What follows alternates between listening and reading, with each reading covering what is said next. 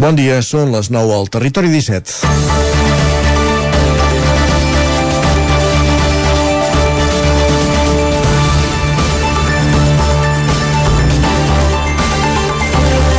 Can Davànol estudia ara fer un procés participatiu sobre si el carrer Puigmal s'ha d'obrir al trànsit. L'Ajuntament, per unanimitat, el va tancar l'any 2019, coincidint amb la inauguració de l'Escola Pirineu, del nou edifici de l'Escola Pirineu, volem dir.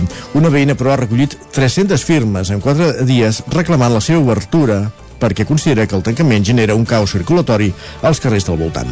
Des de l'oposició fins i tot hi ha veus que recorden que les decisions, de vegades amb la perspectiva del temps i l'experiència, es veuen d'una altra manera. El govern vol reunir les parts implicades per arribar a un consens que passaria per obrir aquest carrer durant els caps de setmana i festius. Cert és que les mesures han de poder ser revisables, però també que quan hi ha restriccions de mobilitat en pro de la seguretat o de la peatonalització, sempre s'aixequen ampolles a Can de Bànol i, com deia aquell, a la Xina popular. Seguirem quin és el resultat del procés participatiu, tot esperant arribar a una proposta satisfactòria per al màxim de parts. Arrenquem aquí al territori 17 a la sintonia de la veu de Sant Joan, Ona Codinenca, Ràdio Cardedeu, Ràdio Vic, el 9 FM i el 9 TV. Territori 17, amb Isaac Moreno i Jordi Sunyer.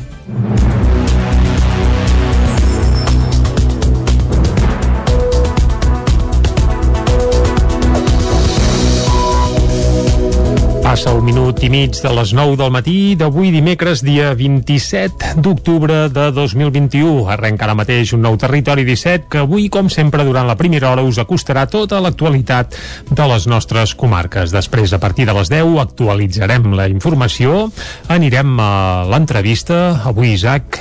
Avui, des d'Ona Codinenca, amb Caral Campàs, i parlarem amb Nona Arola, de les Joventuts Musicals del Moianès, per parlar del seu nou cicle musical.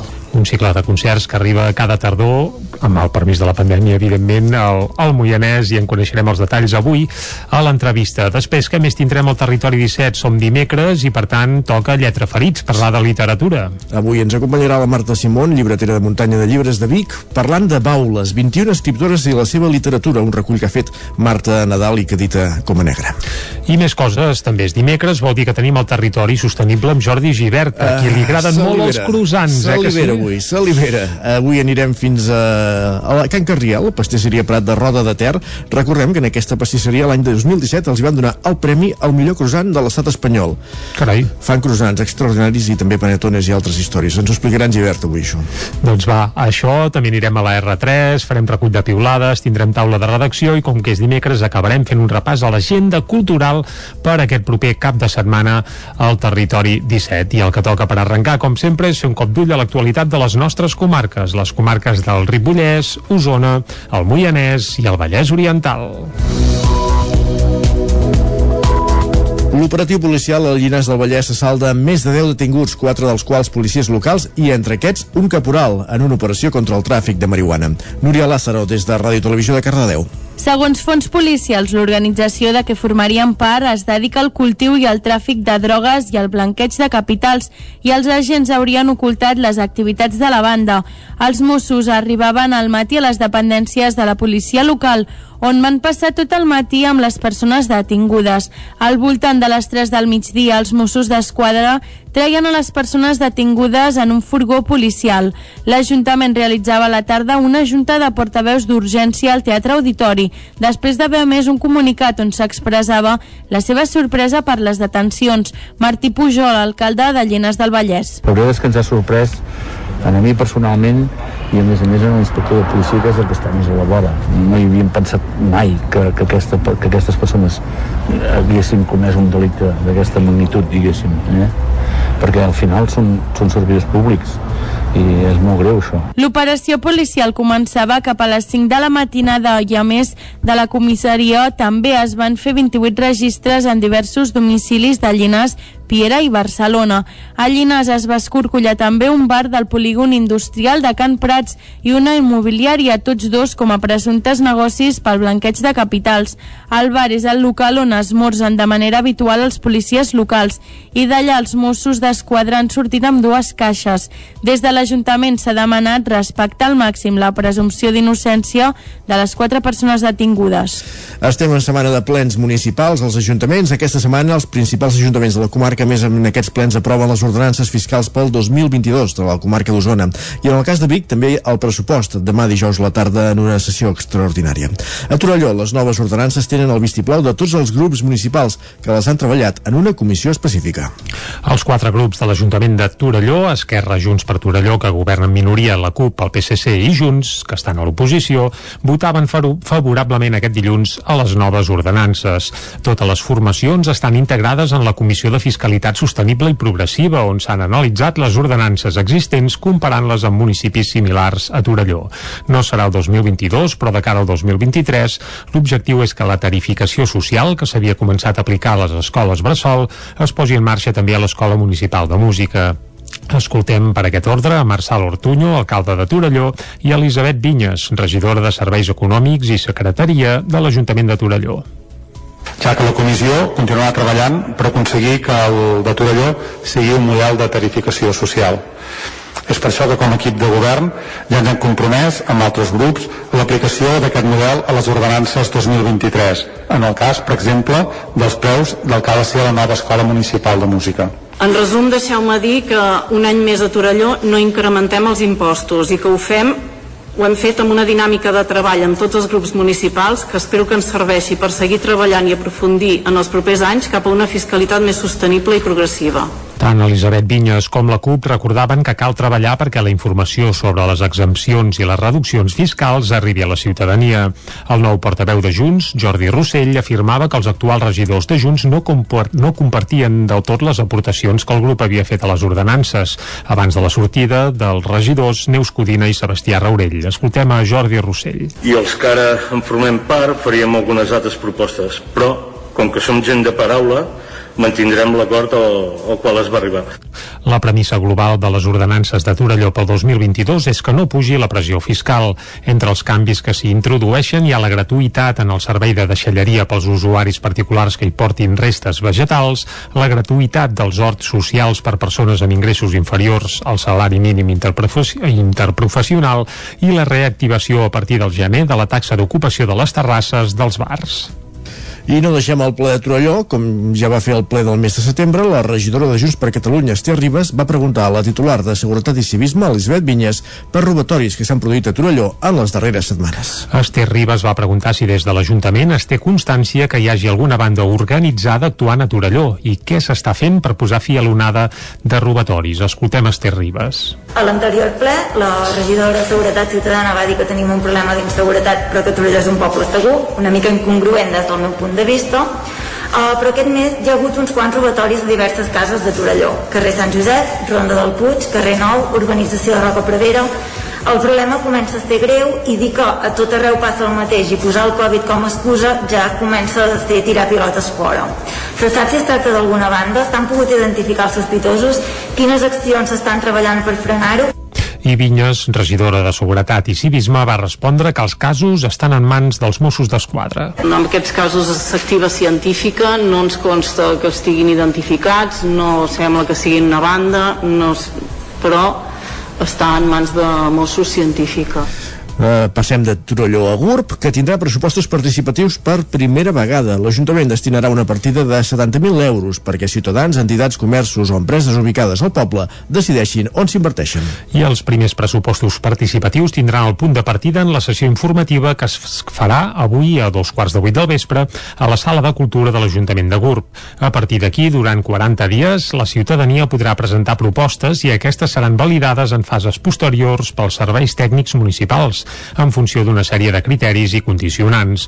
Un cop validades totes elles, es portarà a terme una campanya de comunicació per difondre-les i, finalment, totes les persones empadronades a GURB de més de 16 anys podran votar entre el 21 de febrer i el 7 de març de 2022, tant de manera presencial com telemàtica.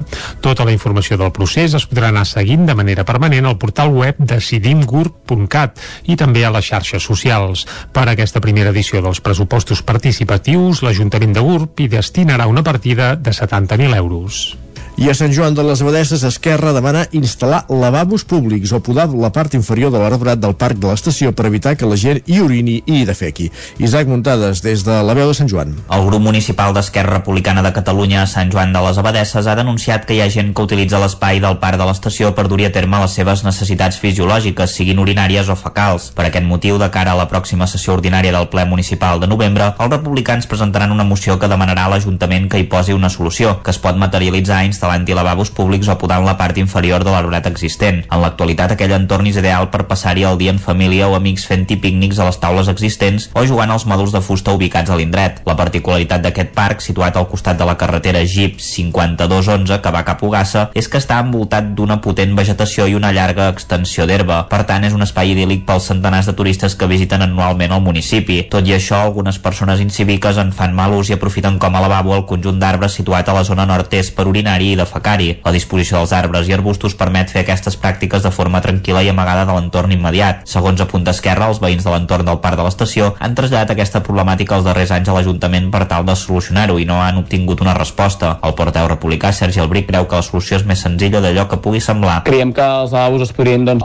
col·locar en alguna de les estructures dels edificis que hi ha a l'estació o bé buscar una alternativa doncs, com a lavabo públic, vull dir, per tant això és qüestió de valorar-ho tècnicament i que es cregui més oportú, vull dir, per tant aquí hi ha diverses opcions obertes i després també la, la opció que et deia que, que es podria dur a terme doncs això és uh, podar alguna de les uh, branques inferiors dels arbres a fi doncs, que hi hagi una mica més de visibilitat en aquest espai conflictiu i per tant doncs, d'aquesta doncs, manera doncs, dificultem que aquelles persones que fan aquestes males praxis i aquestes accions incíviques en aquesta zona doncs, no, no es fagin. El grup republicà no hi veu necessària la implantació de càmeres de videovigilància ja que creuen que fent alguna d'aquestes dues accions el problema ja estaria solucionat. El balneari Termes Victòria de Caldes de Montbui s'adhereix al projecte en hotels per promocionar-se a través de la cultura vitivinícola i els productes de proximitat. Caral Campàs, des d'Ona Codinenca. El balneari Termes Victòria és un dels sis establiments hotelers del Vallès Oriental que participa al projecte en hotels impulsat per l'Associació d'Hotels Comarcal. El seu objectiu és promoure els establiments a través de la cultura del vi, denominació d'origen a l'ella i també els productes de proximitat. A la pràctica, el dijous 18 de novembre a les 7 de la tarda, el balneari Calderí oferirà un tas de vins maridats amb productes de proximitat conduït per un professional que donarà a conèixer el producte i el lligam amb el territori. El director del Termes Victòria, Joan Anglí, explica per què van trobar interessant participar d'aquesta iniciativa. Al final és treballar amb una DO que és la més propera a nosaltres, que seria la DO Alella per proximitat, també per treballar una miqueta el tema del, de l'opció d'enoturisme i d'altres activitats que podem fer a la comarca. Uh, també, diguéssim, per treballar una mica el tema del, del, de l'Associació d'Hotels del, del Vallès Oriental i també doncs, per fer activitats a l'hotel que vagin més enllà del, del tema del balneari. La nostra essència és el balneari, però bé, qualsevol activitat que complementi aquesta, aquesta activitat, com pot ser el turisme, doncs, doncs la trobem interessant i per això hi participem. A banda de l'activitat pròpiament dita, els establiments sortejaran entre els assistents diverses experiències. El preu general de cada tast serà de 10 euros i la recaptació es destinarà íntegrament a una finalitat benèfica. En aquesta primera edició, la institució beneficiària serà l'Escola d'Educació Especial Montserrat Montero de Granollers. A Montesquieu aquest cap de setmana s'hi ha celebrat la Fira de la Nou, que arribava a la novena edició i que tornava després de la suspensió de l'any passat a causa de la pandèmia. La mostra, que va incorporar una arrossada al migdia, es va allargar fins ben entrada la tarda. Després d'un any d'absència a causa de la pandèmia, Montesquieu tornava a viure diumenge a la Fira de la Nou. A la parada d'Albert Pineda, un productor de nous de Vilafant, s'hi podia comprar aquest fruit de tardor. Pineda arribava a Montesquieu just després d'haver acabat la collita d'aquest any. Són nous a tipus Califòrnia, són marca Chandler, són molt productives i fa 34 anys que els vaig plantar jo i els he conreat jo tota la vida i els aporto jo i els, eh, abans d'ahir vam acabar de collir tot just.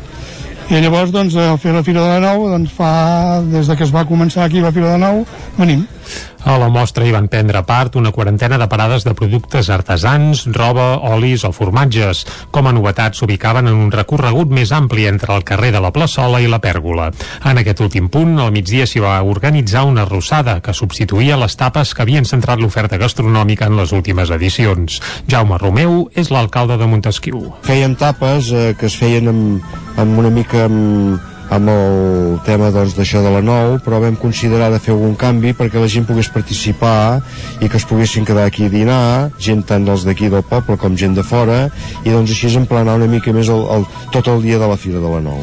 La programació de la novena Fira de la Nou de Montesquieu, que es va allargar fins a les 7 de la tarda, també va incloure inflables, un concert de música popular i animació al carrer. Acabem aquí aquest repàs informatiu que hem fet des de les 9 amb Jordi Sunyer, Isaac Muntades, Caral Campàs i Núria Lázaro. Fem una petita aturada per escoltar la previsió meteorològica. I el temps sempre és sinònim de Pep Acosta.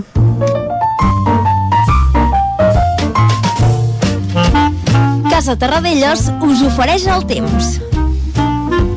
En Pep, per cert, eh, em sembla que avui està un pèl més animat perquè Isaac semblaria que poden venir alguns canvis, però millor que ens ho expliqui ell. Cap de setmana. Uh, sí, ja passa sovint també, eh? que quan venen és quan és festa. Pep, molt bon dia. Hola, molt bon dia. I bona hora. Ja estem aquí al. Espai del Temps. Això és entusiasme. Què tal esteu? Espero que vagi bé la setmana. I tant. Continuem amb un ambient eh, agradable, uh -huh. eh, de poca tardor, tot i que les nits es va refredant, les hores nocturnes eh, es fan llargues, hi ha una mica d'humitat, eh, fa fresqueta, però bueno, n'hauria de fer bastanta més. De dia encara les temperatures molt suaus, les màximes entre els 18, 23, 24 graus. A migdia s'hi està força bé, eh? Ja dic que aquest mateix temps fa molts i molts dies. Però alguna cosa està movent. Alguna cosa es mou. Uh, primera cosa a destacar és que hi ha una gran pertorbació cap al sud d'Itàlia, uh, al nord d'Algèria, atenció, aneu cap a aquella zona, uh, aquella pertorbació és molt important, allà va provocar lluny, fortes eh? pluges, uh, precaució perquè és uh, un, una, una pertorbació que s'ha alimentat encara amb l'aigua calenta del, del mar, del Mediterrani, i està provocant estralls en aquella zona i avui els seguirà provocant. Per tant, precaució, si aneu cap a aquella zona, ja veieu que alguna cosa, alguna cosa està movent, i a part d'això, que està una mica lluny, no, no ens afectarà, està començant a entrar un front per l'oest de la península ibèrica. Fa molt de temps que no entrava un front així atlàntic per la península, i avui ja començarà a entrar. A casa nostra encara no notarem cap canvi. Avui les temperatures són molt semblants als últims dies, mínimes entre 0 i 5 al Pirineu, entre 5 i 10 a la majoria de les nostres poblacions, no està baixant la, la temperatura. I hi ha pocs núvols. De cara al migdia seguirà la mateixa tònica, alguna nuvolada que creixerà, molt poca cosa, les màximes entre els 18 i els 23-24 graus. Però aquest front atlàntic, eh, mica a mica es anirà acostant, i de cara als pròxims dies veurem la seva afectació però sembla que sí que hi haurà un canvi una mica per fi una mica, per fi, per fi una mica de canvi a l'aspecte meteorològic. Encara és d'hora per saber en quin grau ens afectarà aquest front però sí que suposarà un canvi de peces. Aquest front eh, farà que l'anticicló marxi i obrirà les portes aviam a futurs nous fronts o una mica de vent de llevant. Veurem, veurem que s'acaba confeccionar els pròxims dies i quina serà la situació doncs serà més interessant sens dubte que la que tenim ara mateix. A partir de demà ja ho anirem concretant una mica més. Moltes gràcies, adeu. Estarem atents. Exacte, ja ho veus, Isaac, sembla que sí que pot eh, canviar després d'una quinzena de dies de monotonia anticicló, aviam si, Ai, si, si és cert o no. Castanyada, ai senyor, en fi. Bé, sempre es pot fer sota cobert, la castanyada, Ah, no? bé, Molt bé, tanquem aquí el bloc meteorològic, anem a fer un cop d'ull a les portades del dia. Casa Tarradellas us ha ofert aquest espai. Territori 17. Envia'ns les teves notes de veu per WhatsApp al 646 079 023. 646 079 023. WhatsApp Territori 17.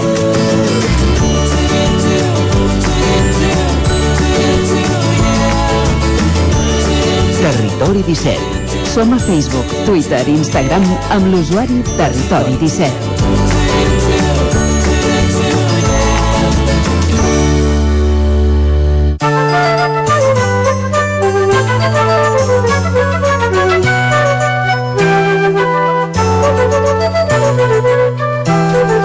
Com dèiem, és hora d'entrar al quiosc per saber què diuen les portades o què hi ha a les portades dels diaris que hi ha que han que publicat s'han editat avui, correcte, va, i avui és 27 d'octubre. Què va passar fa 4 anys? 27 d'octubre, ui, sí. Doncs que es va proclamar, entre cometes, la independència. Clar, fa 4 anys de la declaració d'independència al Parlament de Catalunya i aquest és el títol del punt avui. Eh, avui. El titular gros és en procés. Per tant, sembla que la independència estaria en procés, segons el punt avui. Jo, Eh, jo, jo em posaria el congelador i vés a saber quan la descongelem. Bé, el, els processos poden ser molt llargs, Sí, eh? sí, no, és a dir que, claríssim. clar, això és una altra història. Què més? Uh, vinga, doncs això, el punt avui que titula això, eh, 27 en procés, 4 anys de la declaració d'independència al Parlament. L'ONU encara no reconeix una desena d'estats. Bé, uh, si aquí en som un, doncs em sembla que en tenim també per uns quants dies. Però segurament deuen ser estats que ho tenen una mica més avançat que nosaltres, eh? és bastant possible. La fotografia és per Laura Borràs, pica baralla pel reglament, i és que, bé, eh, ahir entre Esquerra i Junts hi va haver un altre cop... Eh, bé, allò, simpaties perquè la immunitat que en teoria podria tenir Laura Borràs si es canvia el reglament del Parlament doncs sembla que no tothom doncs, volia canviar un punt eh, que de fet, sembla que a més a més No, només Junts. Sí, bàsicament només Junts volia canviar aquest punt, però vaja. Un altre espurna perquè continuï el caliu entre els dos socis de govern català. Anem a l'ara, va, xoc pel reglament del Parlament que beneficiaria Borràs. Aquí titulen directament per aquest, eh, bé, per aquest, entre cometes, nou incident entre els dos eh, socis de govern. Esquerra i la CUP rebutgen el canvi proposat pels lletrats de la cambra que blindaria la presidenta. Recordem per això que els lletrats, que sovint és que siguin gaire... Bé, acostumen a ser força escrupulosos, doncs sí que havien aconsellat que es fes aquest canvi en Junts per Cat. Sí. Evidentment, defensa la reforma per la inconstitucionalitat d'apartar un diputat sense sentència. Tot ve d'una reforma prèvia de l'any 2018 de proposta de la CUP, que sí que es va aprovar i que els lletrats no hi acaben de veure l'encaix. En fi, continuem. Va, la foto de l'ara és per Llinars del Vallès, eh? N'hem parlat, en vam parlar ahir, n'hem parlat avui, eh, i el titular és, entre cometes, ho sabia tot el poble. Per tant, que hi havia L'alcalde, no? agents de la Guàrdia Urbana, exacte, l'alcalde que l'hem sentit precisament avui a la primera notícia que ha obert el butlletí, ell diu que, ostres, que no s'ho esperava. Doncs resulta que, segons diu eh, l'ara, doncs tot el poble sabia que més de la meitat de la Guàrdia Urbana estava involucrada amb assumptes tèrbols. Uh, Déu-n'hi-do, déu nhi déu aquest, aquest cas de Llinars. Uh, més portades, anem cap al periòdico. La mobilitat emergeix com a preocupació per Barcelona. Bé, els que hi anem de tant en tant ja ho veiem, que la mobilitat és un problema perquè cada dia està més embossat tot plegat, eh? Uh, la foto també és per Llinars i és males herbes a Llinars. Això de Vinga. males herbes, uh, visca, eh? Aplaudiment pels l'autor del titular. Detinguts quatre policies de la localitat del Vallès en un cop contra una màfia de la marihuana. Un d'ells va ser ferit en un confús tiroteig el 2019. Això és el que apunta la portada del Del- periòdico. També una llei de vivenda equidistant. Això és el que apunta també en un titular inferior que apareix a la portada del periòdico. Anem cap a l'avantguàrdia? Sí. Va, què diries? Que hi ha Llinars del Vallès o no? Uh, Llinars i Borràs. Doncs no hi ha Llinars, Oh. no, ni, ni en petit, eh? Uh, deu estar amagat per dins. l'exclusiva la va tenir el periòdico. Sí. Doncs el Tribunal Constitucional anula l'impost de la plusvàlua i noqueja les finances municipals. La decisió deroga el sistema de càlcul del tribut i obliga Hisenda a preparar amb urgència una nova normativa.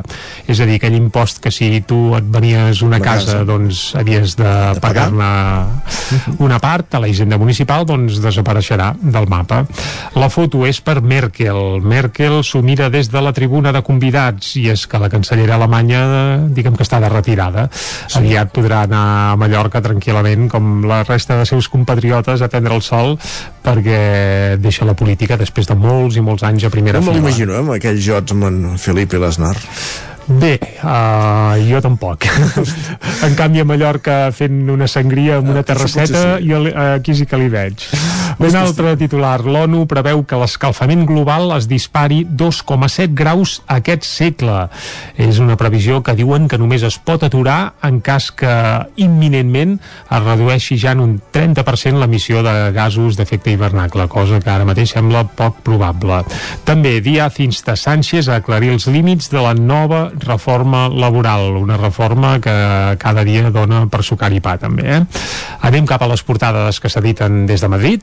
Ràpidament. Comencem pel país. Calviño accepta que Díaz dirigeixi la reforma laboral, però sota la seva tutela i vigilància. Això és el que titula el país.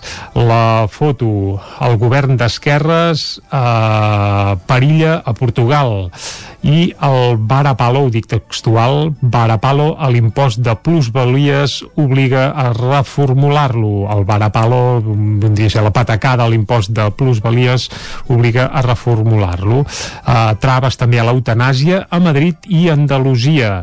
Les dues autonomies on mana el PP exigeixen rectificar uh, un testament vital per poder-se acollir aquesta llei, que recordem que en teoria s'hauria d'aplicar a tot, a tot l'Estat. Uh -huh. Més propostes i més portades que s'editen des de Madrid. Anem a la Razón, va. Moncloa recela del full de ruta de Díaz. Obre cometes, no informa. És a dir, Yolanda Díaz no diu res del seu fill de ruta, segons diu la Razón. Però està tota la per la Calviño abans, heu sentit? Sí, però clar, segons la Razón es veu ah. que no, perquè tira pel dret. Eh? I, I atenció, perquè el govern vol fer un concurs internacional pel Valle de los Caídos eh, els pressupostos incluirien una partida per l'anunciada eh, res, resignificació de l'indret. Això és el que apunten des de la Razón. I acabem fent un cop d'ull a l'ABC. Quan, quan, quan has dit concurs m'he imaginat una isla de les tentacions allà al mig, no, no estem parlant d'això. No, no aniria, no aniria per aquí, eh? tot i que seria divertit, eh? evidentment, això sí que, que estaria bé. I a l'ABC la foto és per Meritxell Batet i el titular, evidentment, també. Batet sabia que havia de retirar l'escó a Rodríguez, però ho van darrerir. Això és el que titula l'ABC. Les actes de la mesa del Congrés reflexen el seu intent per dilatar per motius polítics eh, l'execució de la sentència del Suprem contra el diputat de Podem. Això és el que titula l'ABC, on també apareix eh, un varapalo, tornen a fer servir aquest mot que havíem vist abans, varapalo de Brussel·les. Tomba el pla de Sánchez per abaixar el preu de la llum i l'adverteix sobre els fons. Això és el que titula l'ABC d'avui dimecres, dia 27 d'octubre de 2021. Doncs arribats a aquest punt, gràcies Jordi. Després de repassar aquestes portades, fem una petita pausa. Res, 3 minuts i tornem a ser aquí amb tots vosaltres amb més actualitat al Territori 17. Fins ara mateix. Salut. El nou FM, la ràdio de casa, al 92.8.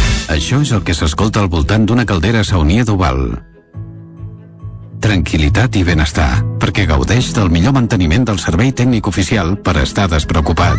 O el que vulgui. Informis a Oficiat Nord trucant al 938860040. Saunia Duval, sempre al seu costat.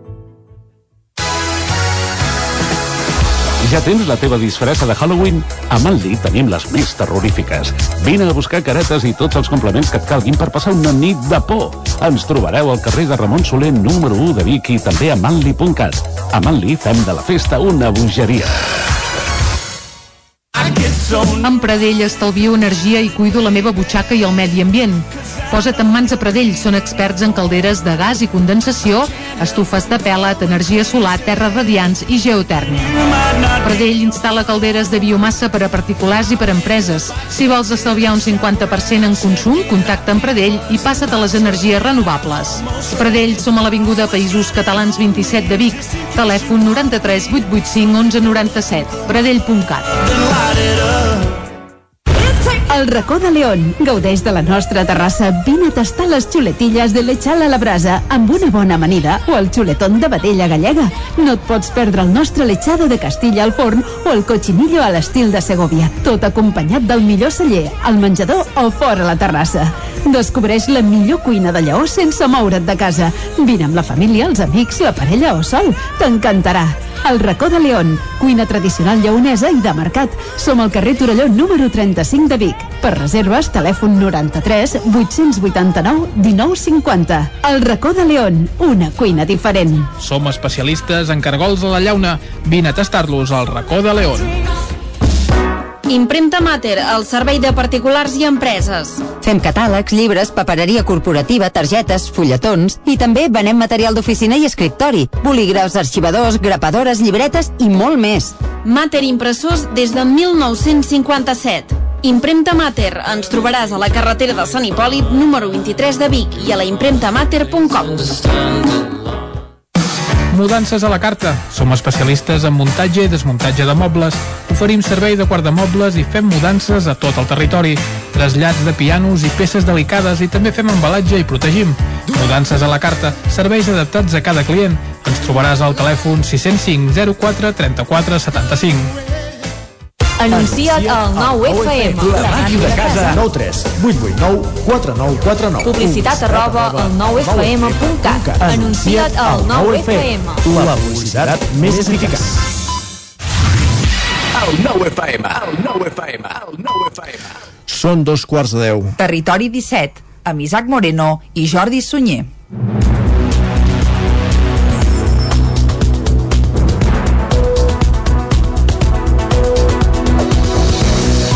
Dos quarts de deu en punt, el que toca és acostar-vos de nou l'actualitat de les nostres comarques, però ja us avancem una mica al menú fins a les 12 del migdia, perquè avui ve farcidet, eh? Farcidet i, a més a més, eh, amb gana, amb gana, perquè, Isaac, ja ens has avançat abans que anirem a Can Carriel a parlar dels millors croissants de la península ibèrica, gairebé, eh? Això, això, aquest premi el van rebre el 2017, però fan moltes altres coses, eh? Jo ara com a rodenc puc assegurar que, que, sí, no, que tenen coses interessants. Vaja, aquí va sovint, eh? De tant en tant. Va, molt bé, molt bé. Doncs el territori sostenible d'avui, que anirem a Can Carriel de la mà d'en Jordi Givert, però evidentment tenim altres coses al territori 17, abans de les 10 hi posarem música, avui des de Sant Quirze de Besora, de seguida descobrirem què us proposarem, a les 10 actualitzarem la informació de les notícies, a l'entrevista anirem cap al Moianès. Correcte, parlarem amb la nona Arola de les Joventuts Musicals del Moianès per parlar del cicle musical d'ara a la tardor.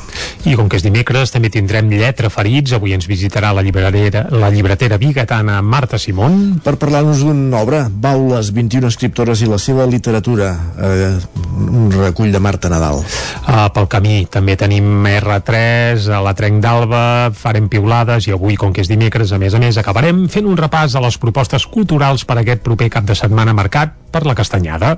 Ara, però, el que toca és informació, acostar-vos de nou l'actualitat de casa nostra, l'actualitat de les comarques del Ripollès, Osona, el Moianès i el Vallès Oriental. L'operatiu policial al Llinars del Vallès s'assalda amb més de 10 detinguts, quatre dels quals policies locals i entre aquests un caporal en una operació contra el tràfic de marihuana. Núria Lázaro, des de Ràdio Televisió de Cardedeu.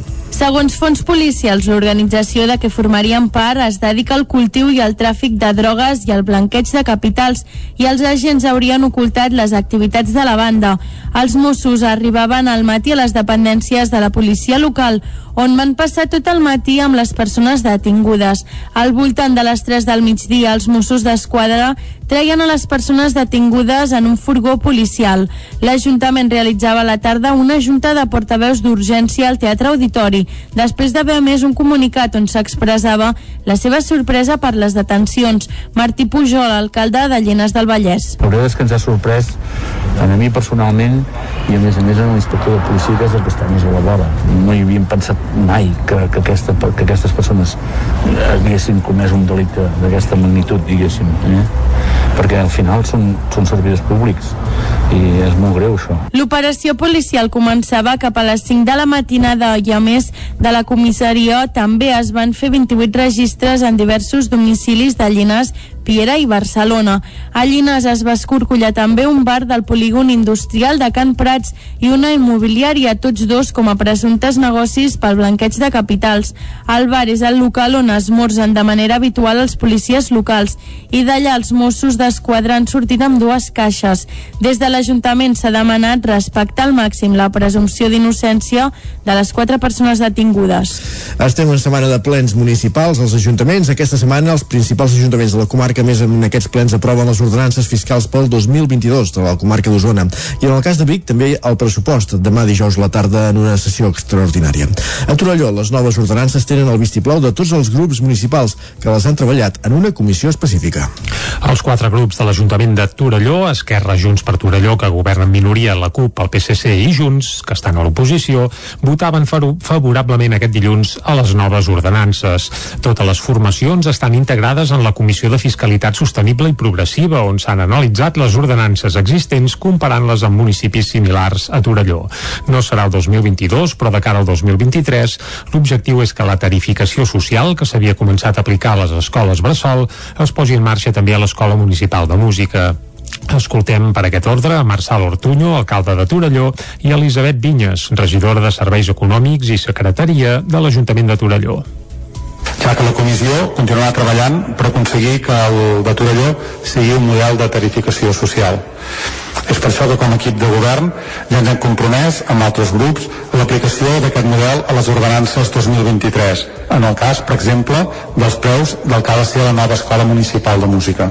En resum, deixeu-me dir que un any més a Torelló no incrementem els impostos i que ho fem ho hem fet amb una dinàmica de treball amb tots els grups municipals que espero que ens serveixi per seguir treballant i aprofundir en els propers anys cap a una fiscalitat més sostenible i progressiva. Tant Elisabet Vinyes com la CUP recordaven que cal treballar perquè la informació sobre les exempcions i les reduccions fiscals arribi a la ciutadania. El nou portaveu de Junts, Jordi Rossell, afirmava que els actuals regidors de Junts no, no compartien del tot les aportacions que el grup havia fet a les ordenances abans de la sortida dels regidors Neus Codina i Sebastià Raurell. Escoltem a Jordi Rossell. I els que ara en formem part faríem algunes altres propostes, però com que som gent de paraula, mantindrem l'acord al, al qual es va arribar. La premissa global de les ordenances de Torelló pel 2022 és que no pugi la pressió fiscal. Entre els canvis que s'hi introdueixen hi ha la gratuïtat en el servei de deixalleria pels usuaris particulars que hi portin restes vegetals, la gratuïtat dels horts socials per persones amb ingressos inferiors al salari mínim interprofessional i la reactivació a partir del gener de la taxa d'ocupació de les terrasses dels bars. I no deixem el ple de Torelló, com ja va fer el ple del mes de setembre, la regidora de Junts per Catalunya, Esther Ribas, va preguntar a la titular de Seguretat i Civisme, Elisabet Vinyes, per robatoris que s'han produït a Torelló en les darreres setmanes. Esther Ribas va preguntar si des de l'Ajuntament es té constància que hi hagi alguna banda organitzada actuant a Torelló i què s'està fent per posar fi a l'onada de robatoris. Escoltem Esther Ribas.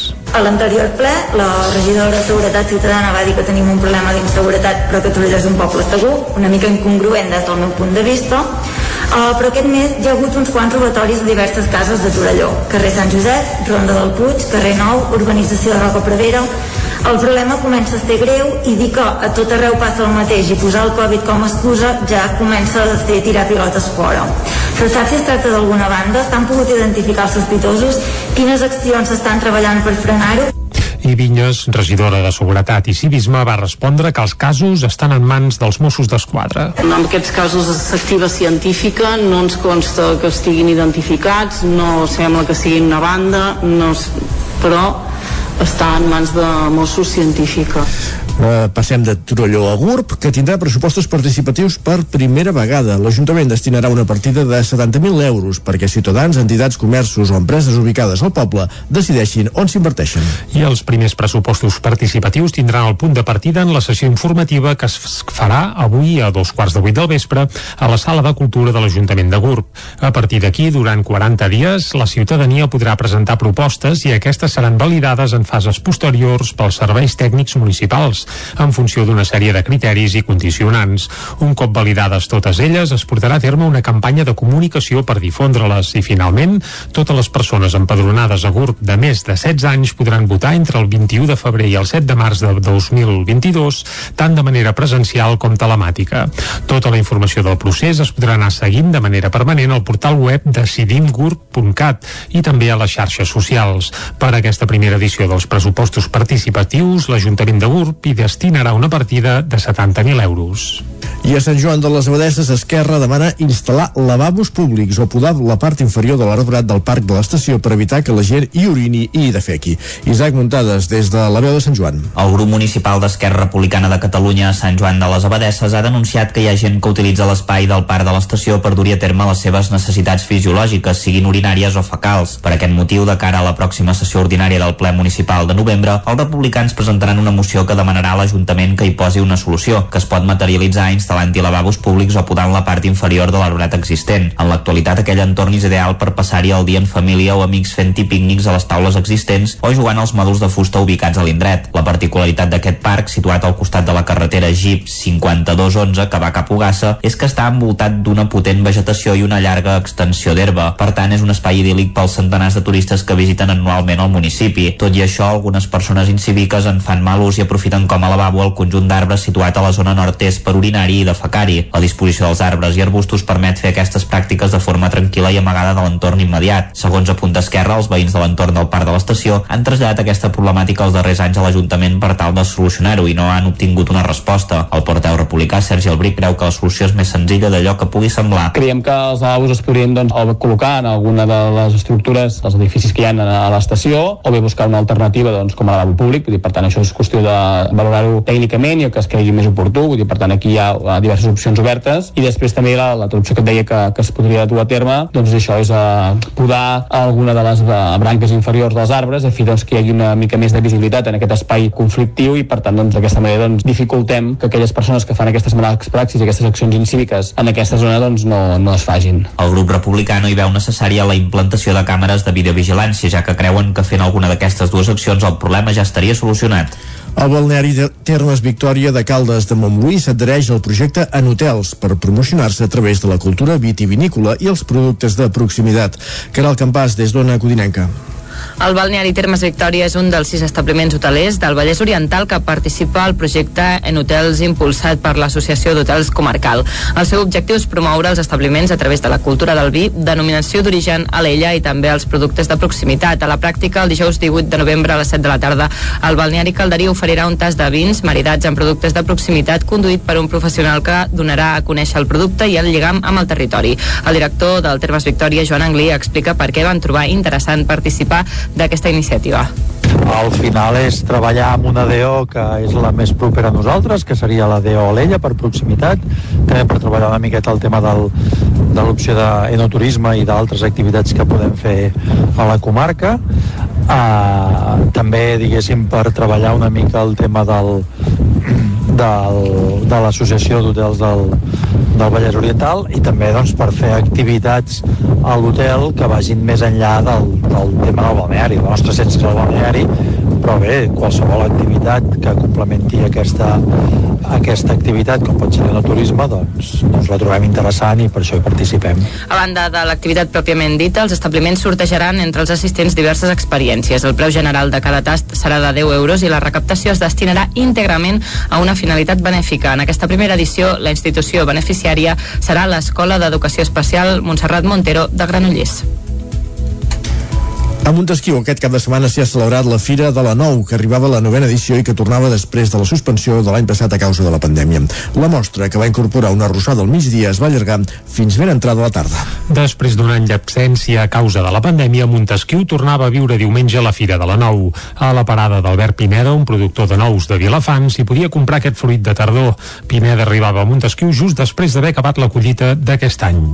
Són nous a tipus Califòrnia, són marca Chandler, són molt productives i fa 34 anys que els vaig plantar jo. I els he conreat jo tota la vida i els aporto jo i els, eh, abans d'ahir vam acabar de collir tot just. I llavors doncs a fer la Fira de la Nou doncs fa, des de que es va començar aquí la Fira de la Nou venim a la mostra hi van prendre part una quarantena de parades de productes artesans, roba, olis o formatges. Com a novetat s'ubicaven en un recorregut més ampli entre el carrer de la Plaçola i la Pèrgola. En aquest últim punt, al migdia s'hi va organitzar una arrossada que substituïa les tapes que havien centrat l'oferta gastronòmica en les últimes edicions. Jaume Romeu és l'alcalde de Montesquieu. Feien tapes eh, que es feien amb, amb una mica amb, amb el tema doncs, d'això de la nou, però vam considerar de fer algun canvi perquè la gent pogués participar i que es poguessin quedar aquí a dinar, gent tant dels d'aquí del poble com gent de fora, i doncs així emplenar una mica més el, el, tot el dia de la Fira de la Nou. La programació de la novena Fira de la Nou de Montesquieu, que es va allargar fins a les 7 de la tarda, també va incloure inflables, un concert de música popular i animació al carrer. Acabem aquí aquest repàs informatiu que hem fet des de les 9 amb Jordi Sunyer, Isaac Muntades, Caral Campàs i Núria Lázaro. Fem una petita aturada per escoltar la previsió meteorològica.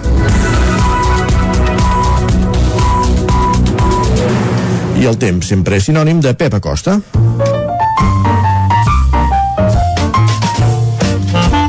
Casa Terradellos us ofereix el temps. Pep, per cert, eh, em sembla que avui està un pèl més animat perquè Isaac semblaria que poden venir alguns canvis, però millor que ens ho expliqui ell. Cap de setmana?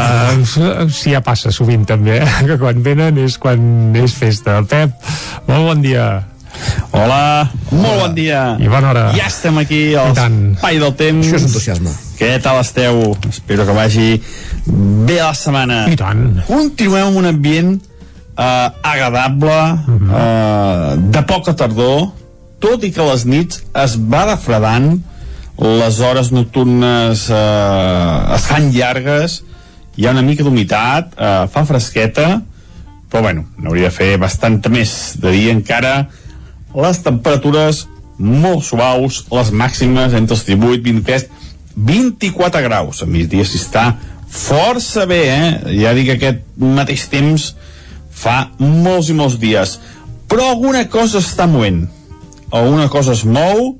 Uh, primera cosa a destacar és que hi ha una gran pertorbació cap al sud d'Itàlia, uh, al nord d'Algèria, atenció si aneu cap a aquella zona, uh, aquella pertorbació és molt important, ahir va provocar lluny, fortes eh? pluges, uh, precaució perquè és uh, un, una, una pertorbació que s'ha alimentat encara amb l'aigua calenta del, del mar, del Mediterrani, i està provocant estralls en aquella zona i avui els seguirà provocant. Per tant, precaució, si aneu cap a aquella zona, ja veieu que alguna cosa, alguna cosa està movent, i a part d'això, que està una mica lluny no, no ens afectarà, està començant a entrar un front per l'oest de la península ibèrica. Fa molt de temps que no entrava un front així atlàntic per la península, i avui ja començarà a entrar. A casa nostra encara no notarem cap canvi. Avui les temperatures són molt semblants als últims dies, mínimes entre 0 i 5 al Pirineu, entre 5 i 10 a la majoria de les nostres poblacions, no està baixant la, la temperatura. I hi ha pocs núvols. De cara al migdia seguirà la mateixa tònica, alguna nuvolada que queixarà, molt poca cosa, les màximes entre els 18 i els 23-24 graus. Però aquest front atlàntic, eh, mica a mica es anirà acostant, i de cara als pròxims dies veurem la seva afectació però sembla que sí que hi haurà un canvi una mica per fi una mica, per fi, per fi una mica de canvi a l'aspecte meteorològic. Encara és d'hora per saber en quin grau ens afectarà aquest front però sí que suposarà un canvi de peces. Aquest front eh, farà que l'anticicló marxi i obrirà les portes aviam a futurs nous fronts una mica de vent de llevant. Veurem, veurem que s'acaba confeccionar els pròxims dies i quina serà la situació però serà més interessant sens dubte que la que tenim ara mateix a partir de demà ja ho anirem concretant una mica més moltes gràcies, adeu Estarem atents. Exacte, ja ho veus, Isaac, sembla que sí que pot uh, canviar després d'una quinzena de dies de monotonia anticicló, aviam si, Ai, si és cert o no. La castanyada, ara. Ai, senyor. En fi. Bé, sempre es pot fer sota cobert, la castanyada, Ah, no? Molt bé, tanquem aquí el bloc meteorològic, anem a fer un cop d'ull a les portades del dia. Casa Tarradellas us ha ofert aquest espai. Territori 17. Envia'ns les teves notes de veu per WhatsApp al 646 079 023. 646 079 023. WhatsApp Territori 17.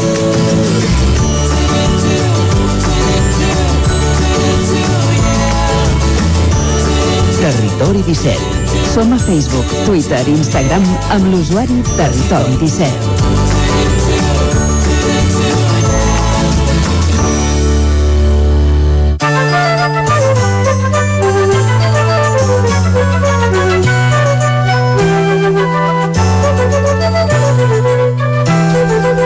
Deia, més hora d'entrar al quiosc per saber què diuen les portades o què hi ha a les portades dels diaris mm. que hi ha que han que s'han editat avui, avui correcte, va, i avui és 27 d'octubre.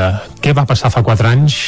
27 d'octubre, ui, sí. Doncs que es va oh. proclamar, entre cometes, la independència. Clar, fa 4 anys de la declaració d'independència al Parlament de Catalunya i aquest és el títol del punt avui. Eh, avui. El titular gros és en procés. Per tant, sembla que la independència estaria en procés, segons el punt avui. Jo, uh, jo, jo em posaria el congelador i vés a saber quan la descongelem. Bé, el, els processos poden ser molt llargs, eh? Sí, sí, no, és a dir que, clar, això és una altra història. Què més? Uh, vinga, doncs això, el punt avui que titula això, eh, 27 o en procés, 4 anys de la declaració d'independència al Parlament. L'ONU encara no reconeix una desena d'estats. Bé, uh, si aquí en som un, doncs em sembla que en tenim també per uns quants dies. Però segurament deuen ser estats que ho tenen una mica més avançat que nosaltres, eh? És bastant possible. La fotografia és per Laura Borràs, pica baralla pel reglament, i és que, bé, ahir entre Esquerra i Junts hi va haver un altre cop eh, bé, allò, simpaties perquè la immunitat que en teoria podria tenir Laura Borràs si es canvia el reglament del Parlament doncs sembla que no tothom doncs, volia canviar un punt eh, bueno, que sembla que a més a més no, només Junts. Sí, bàsicament només Junts volia canviar aquest punt però vaja, una altra espurna perquè continuï el caliu entre els dos socis de govern català. Anem a l'ara, va, xoc pel reglament del Parlament que beneficiaria Borràs, aquí titulen directament per aquest, eh, bé, per aquest entre cometes nou incident entre els dos eh, socis de govern, Esquerra i la CUP rebutgen el canvi proposat pels lletrats de la cambra que blindaria la presidenta. Recordem per això que els lletrats, que sovint és que siguin gaire... bé, acostumen a ser força escrupulosos, doncs sí que havien aconsellat que es fes aquest canvi en Junts per Cat. Sí. Evidentment defensa la reforma per la inconstitucionalitat d'apartar un diputat sense sentència. Uh -huh. Tot ve d'una reforma prèvia de l'any 2018 de proposta de la CUP, que sí que es va aprovar i que els lletrats no hi acaben de veure l'encaix. En fi, uh -huh. Continuem. Va, la foto de l'ara és per Llinars del Vallès, eh? N'hem parlat, en vam parlar ahir, n'hem parlat avui, eh, i el titular és, entre cometes, ho sabia tot el poble. Per tant, que hi havia agents no? de la Guàrdia Urbana, exacte, l'alcalde que l'hem sentit precisament avui a la primera notícia que ha obert el butlletí, ell diu que, ostres, que no s'ho esperava. Doncs resulta que, segons diu eh, l'ara, doncs tot el poble sabia que més de la meitat de la Guàrdia Urbana estava involucrada en assumptes tèrbols. Uh, Déu-n'hi-do, déu nhi déu aquest, aquest cas de Llinars. Uh, més portades, anem cap al periòdico. La mobilitat emergeix com a preocupació per Barcelona. Bé, els que hi anem de tant en tant ja ho veiem, que la mobilitat és un problema perquè cada dia està més embossat tot plegat, eh? Uh, la foto també és per Llinars, i és males herbes a Llinars. Això Vinga. de males herbes, uh, visca, eh? Aplaudiment pels, l'autor del titular. Detinguts quatre policies de la localitat del Vallès en un cop contra una màfia de la marihuana. Un d'ells va ser ferit en un confús tiroteig el 2019. Això és el que apunta la portada del Oh, periòdico. També una llei de vivenda equidistant. Això és el que apunta també en un titular inferior que apareix a la portada del periòdico. Anem cap a l'avantguàrdia? Sí. Va, què diries? Que hi ha Llinars del Vallès o no? Uh, Llinars i Borràs. Doncs no hi ha Llinars. Oh. No, ni, ni en petit, eh? Uh, deu estar És amagat que per dins. l'exclusiva la va tenir el periòdico. Sí. Doncs el Tribunal Constitucional anula l'impost de la plusvàlua i noqueja les finances municipals. La decisió deroga el sistema de càlcul del tribut i obliga Hisenda a preparar amb urgència una nova normativa. És a dir, aquell impost que si tu et venies una casa, doncs havies de pagar-ne una part a la Hisenda Municipal, doncs desapareixerà del mapa. La foto és per Merkel. Merkel s'ho mira des de la tribuna de convidats i és que la cancellera alemanya diguem que està de retirada. Aviat podrà anar a Mallorca tranquil·lament com la resta de seus compatriotes a prendre el sol perquè deixa la política després de molts i molts anys a primera No fila. l'imagino, eh, amb aquells jocs amb en Felip i. Bé, uh, jo tampoc. en canvi a Mallorca fent una sangria amb una terrasseta, jo aquí sí que li veig. Un altre titular, l'ONU preveu que l'escalfament global es dispari 2,7 graus aquest segle. És una previsió que diuen que només es pot aturar en cas que imminentment es redueixi ja en un 30% l'emissió de gasos d'efecte hivernacle, cosa que ara mateix sembla poc probable. També Díaz insta Sánchez a aclarir els límits de la nova reforma laboral, una reforma que cada dia dona per sucar i pa també. Eh? Anem cap a les portades que s'editen des de Madrid. Ràpidament. Comencem pel país. Calviño accepta que Díaz dirigeixi la reforma laboral, però sota la seva tutela i vigilància. Això és el que titula el país. La foto, el govern d'esquerres eh, perilla a Portugal i el Barapalo, dic textual, Barapalo a l'impost de plusvalies obliga a reformular-lo. El Barapalo, vindria a ser la patacada, l'impost de plusvalies obliga a reformular-lo. Uh, traves també a l'eutanàsia a Madrid i Andalusia. Les dues autonomies on mana el PP exigeixen rectificar uh, un testament vital per poder-se acollir a aquesta llei, que recordem que en teoria s'hauria d'aplicar a tot, a tot l'Estat. Uh -huh. Més propostes i més portades que s'editen des de Madrid. Anem a la Razón, va. Moncloa recela del full de ruta de Díaz. Obre cometes, no informa. És a dir, Yolanda Díaz no diu res del seu fill de ruta, segons diu la Razón. Però està tota la, per la Calviño abans, heu sentit? Sí, però clar, segons la Razón es veu ah. que no, perquè tira pel dret. I, I atenció, perquè el govern vol fer un concurs internacional pel Valle de los Caídos. Uh, els pressupostos incluirien una partida per l'anunciada uh, res, resignificació de l'indret. Això és el que apunten des de la Razón. I acabem fent un cop d'ull a l'ABC. Quan, és, quan has dit concurs m'he imaginat una isla de les tentacions allà al mig, no, no estem parlant d'això. No, no aniria, no aniria per aquí, eh? tot i que seria divertit, eh? evidentment, això sí que, que estaria bé. I a l'ABC la foto és per Meritxell Batet i el titular, evidentment, també. Batet sabia que havia de retirar l'escó a Rodríguez, però ho va endarrerir. Això és el que titula l'ABC. Les actes de la mesa del Congrés reflexen el seu intent per dilatar per motius polítics eh, l'execució de la sentència del Suprem contra el diputat de Podem. Això és el que titula l'ABC, on també apareix eh, un varapalo, tornen a fer servir aquest mot que havíem vist abans, varapalo de Brussel·les. Tomba el pla de Sánchez per abaixar el preu de la llum i l'adverteix sobre els fons. Això és el que titula l'ABC d'avui dimecres, dia 27 d'octubre de 2021. Mira que acaba la secció amb l'ABC, que acabem sempre amb aquest regust de marc, eh? Bé, però hi posem música després per fer-ho sí. baixar millor.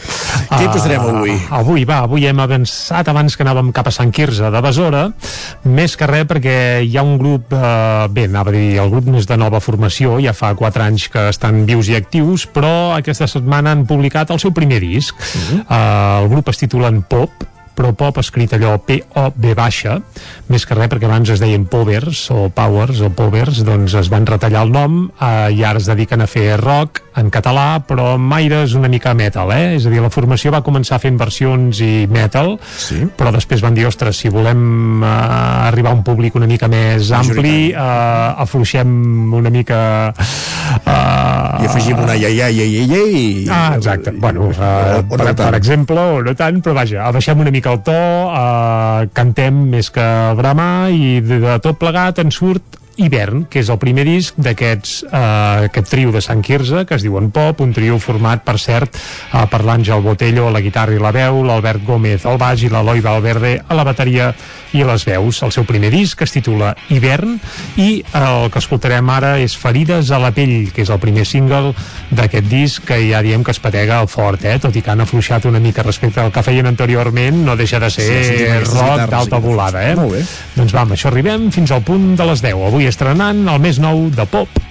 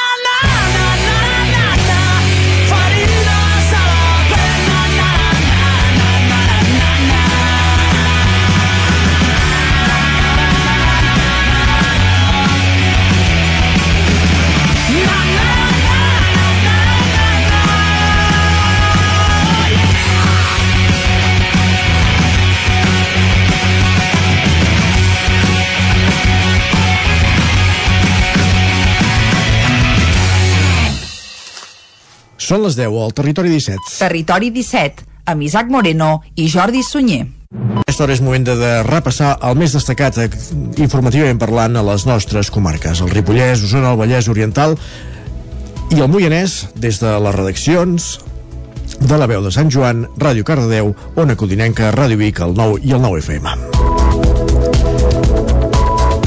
Anem al Ripollès, comença la campanya de vacunació contra la grip. Isaac Muntades, des de la veu de Sant Joan. Aquest dilluns es va donar el tret de sortida una nova campanya de vacunació contra la grip, que normalment cada any s'inicia el mes d'octubre. A Ripoll ja hi ha una sèrie d'horaris establerts per administrar el vaccí a la sala Eudal Graells. Aquest dimecres 27 d'octubre es punxarà de 10 a 2 quarts d'una del matí i el dimarts 2 de novembre de 3 a 7 de la tarda. A més a més, els divendres 29 d'octubre i 5 de novembre de 9 del matí a 2 de la tarda i de 3 a 7 de la tarda es vacunarà contra la grip i contra la Covid-19. A Sant Joan de les Abadeses es vacunarà l'escorxador i segons comentava la adjunta de l'àrea bàsica de salut Camprodon Sant Joan de les Abadeses Ripoll, Susana Prat, es començarà aquest dijous 28 d'octubre de 9 del matí a 1 de la tarda i divendres es vacunarà més a domicili, mentre que Ribes de Freser es farà al Casal de Cultura i a Can Bànol al Centre Cívic La Confiança. Noelia González, administrativa i assistent clínic de l'Hospital de Can Bànol, donava tots els detalls per saber com se li notificarà a les persones que es poden vacunar. Es arribarà un missatge informatiu o amb la cita prèvia amb el dia i l'hora de la vacuna. Des dels CAPs serem proactius. Vol dir que si vostè va amb la infermera o amb el seu metge i els hi toca la vacuna al grip, els hi posaran al moment i no els faran anar a cap centre a part. També comentar-los que si tenen algun dubte o vostè no se'ls arriba l'SMS, poden dirigir-se al CAP, ja sigui per telèfon, per SMS, per WhatsApp o per correu electrònic. Des dels centres d'atenció primària es recomana venir amb roba pràctica per accedir amb facilitat a la part superior del braç i que tot sigui més àgil. Teresa Franquesa, infermera de l'àrea bàsica de salut Ribes Can de Bànol, va detallar quins són els tres col·lectius que s'han de vacunar tant sí com no. Primer, les persones de 60 anys o més. Segon, les persones de menys de 60 anys que poden presentar un alt risc de complicacions derivades de la grip. Per exemple, gent amb malalties cardiovasculars, neurològiques, respiratòries, renals, diabètic, obesitat, immunodeprimits, embarassades. I tercer, aquelles persones que poden transmetre la grip a gent d'alt risc. Per exemple, personal sanitari, sociosanitari, farmacèutics, familiars i cuidadors formals i informals de gent gran o de gent d'alt risc. També seria recomanable que es vacunessin aquells professionals que pertanyen a algun col·lectiu essencial, com per exemple policies, bombers, protecció civil, docents... Prat va puntualitzar que enguany també s'administrarà una altra vacuna. El que s'hi suma aquest any és que els majors de 70 que fa 6 mesos que han rebut la, dosi de, la segona dosi del Covid, els hi podem posar la dosi de record, una tercera dosi, el mateix dia que els vacunem de la grip. Això ho anirem fent a tot arreu, aquí a Sant Joan setmanalment obrirem l'espai de l'escorxador. Per altra part, ara fa uns dies i vista la situació estable i favorable de la pandèmia que ha permès reduir les restriccions vigents, vigents amb l'objectiu d'anar normalitzant el dia a dia de l'Hospital de Can Bànol i l'atenció primària, el Comitè de Crisi Covid de la Fundació Hospital de Can Bànol va acordar permetre l'accés d'un acompanyant per pacient a consultes externes, hospital de dia, àrea quirúrgica, exploracions complementàries, atenció primària i urgències. Pel que fa a l'hospitalització d'aguts, mitjana estada, polivalent i llarga estada, es permetrà l'accés d'un acompanyant per pacient que no necessàriament haurà de ser el mateix com passava fins ara. També s'amplia l'horari de visites que al matí serà de 12 a 2 de la tarda i a la tarda de les 5 de la tarda a les 8 del vespre. Finalment, pel que fa a la cafeteria del centre, s'ha obert el seu accés pel públic en general, però amb limitació d'aforament.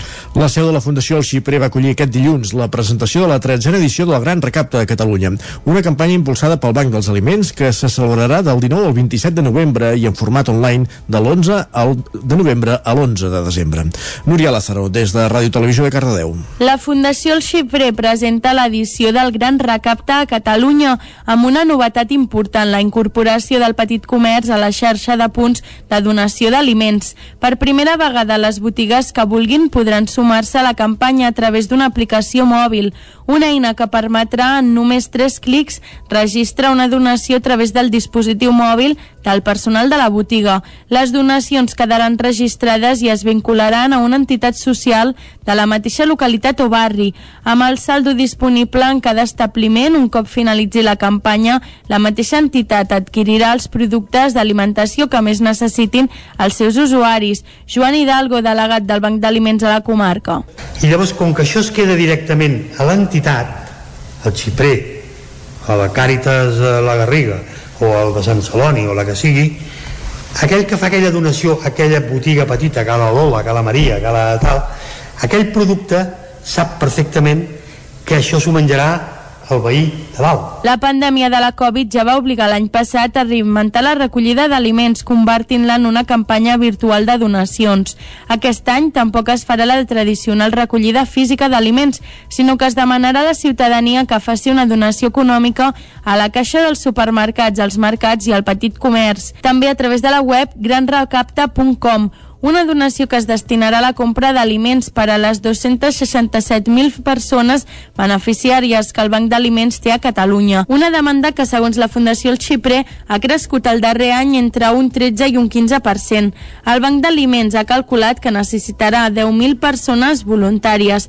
Per apuntar-s'hi cal registrar-se a través de la web www.granrecapta.com. Caldes de Montbui presenta una nova campanya comercial anomenada Paradors Creuats, una innovadora iniciativa que parteix de la barreja de paradors als comerços adherits a Shopping Caldes, Caral Campàs, des d'Ona Codinenca. Una trentena d'establiments calderins mostren als seus aparadors productes d'altres comerços del col·lectiu. Aquesta campanya comercial pretén cridar l'atenció de les persones consumidores i usuàries perquè quan comprin els seus comerços de confiança coneguin l'oferta d'altres establiments de la vila. Carme Germà, regidora de Comerç, en dona més detalls. Normalment tendim sempre a anar a la mateixa zona a, a comprar. Llavors és per donar a conèixer botigues que hi ha en altres zones on no acostumem a anar i per donar a conèixer a tot el comerç de Caldes, a tot el municipi de Caldes de Montbui. La campanya No estem bojos, estem creuats durarà tot el mes de novembre eh, és la primera experiència que farem i a partir d'aquí podem, esperem que més comerços s'animin i poder tornar a repetir aquesta campanya eh, que en principi ha començat discreta però que pot acabar sent una campanya important de Caldes que es pot repetir cada any. La presentació d'aquesta nova iniciativa calderina es va fer aquesta setmana a la botiga Granel, que compta amb l'aparador de la caverna de Voltir. A la responsable de Granel, Iraida Salort, l'experiment li agrada molt. Doncs ens ho van comentar des de l'Ajuntament i la veritat és que, almenys amb nosaltres, que aquest tipus de comerç no, està tan, no és tan conegut, estem molt a la perifèria, doncs ens va interessar moltíssim per donar-nos més a conèixer i també per conèixer altres comerços que nosaltres, a l'estat tan apartadets, no en coneixem tant i bueno, ens va semblar superbona idea, superguai. Ahir sí que vaig veure que molta gent esperava l'aparador perquè xoca bastant veure jocs de rol en una botiga de, de menjar granel el creuament d'aparadors s'ha fet de forma aleatòria per generar això que comentava Salort, impacte al públic per veure productes molt diferents convivint al mateix aparador. Gràcies, Canal. Més qüestions. Dos directius de Fontaga compren la planta de Caigua del Montseny tenia Espinelves. La compra s'ha tancat per 6 milions d'euros. L'empresa Fontseny SL, administrada per Pablo Jiménez Salinas i José Javier Colillas, ha pagat 6,05 milions d'euros pels terrenys, les instal·lacions i la maquinària del brollador d'Espinelves d'aigua del Montseny. Jiménez i Colillas són directius amb alta responsabilitat de, amb alta responsabilitat de Fontaga, el grup d'embotelladores d'aigua que integra, entre d'altres, les marques Aigua de Ribes i Font Agudes. Aigua del Montseny estava inactiva des que l'any 2019 va presentar un ERO d'extinció dels contractes laborals dels 85 treballadors que tenia l'empresa i va acabar en mans d'un administrador concursal. Des d'aleshores, l'administrador ha treballat per la venda dels actius de l'empresa, que a banda de les instal·lacions d'Espinelves també comptava amb la seu i un segon brollador a Sant Esteve de Palautordera. L'administrador concursal ha pogut maximitzar el preu en la fase de millorar fins a triplicar el valor comptable dels actius gràcies a l'elevat interès que hi havia en la compra de les instal·lacions. A part de l'oferta guanyadora, també s'havien interessat per la planta d'Espinelves les empreses d'aigua mineral San Benedetto, la mateixa Font Agudes o Gomar. La intenció dels nous inversors seria fer una aposta important a Espinelves, que comportaria desenes de nous llocs de treball.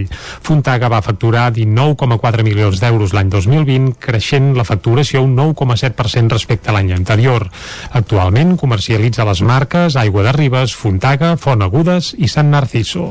Aficionats de les aventures de Tintín van participar diumenge a la setzena trobada tintinaire de Catalunya que es va fer a la plaça Major de Vic. Els grans protagonistes de la jornada van ser el mític personatge d'Ergem i el capità Haddock, però també Pilarín Vallès, que va exercir el paper de pregonera.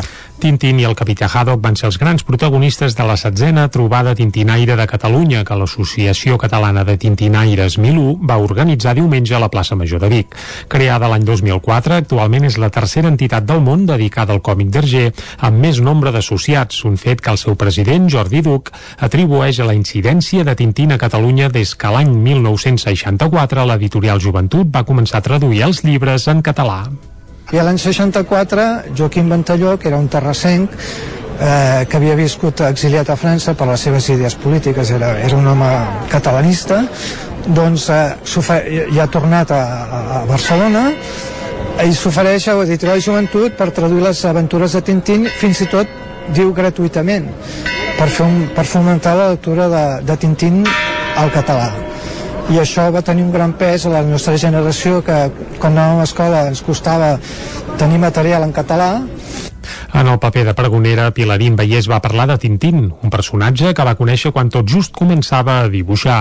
Tant la Ninotaire com Duc van coincidint que la figura de Tintín va marcar dues generacions, però que actualment no enganxa gaire els joves lectors. Jordi Duc. Doncs als lectors joves avui els hi costa més perquè l'oferta està molt més diversificada, tenen moltes més altres, eh, altres personatges i les aventures de Tintín han quedat una mica, eh, una mica fossilitzades en el temps perquè no s'han renovat eh, mantenen la seva actualitat perquè són d'uns valors mm, que són universals però és evident que a nivell tecnològic i, i per altres motius doncs, eh, li, li costa agafar nous lectors amb sàvia nova. Ha de ser pares o avis tintinaires que fomentin la lectura en els, en els joves.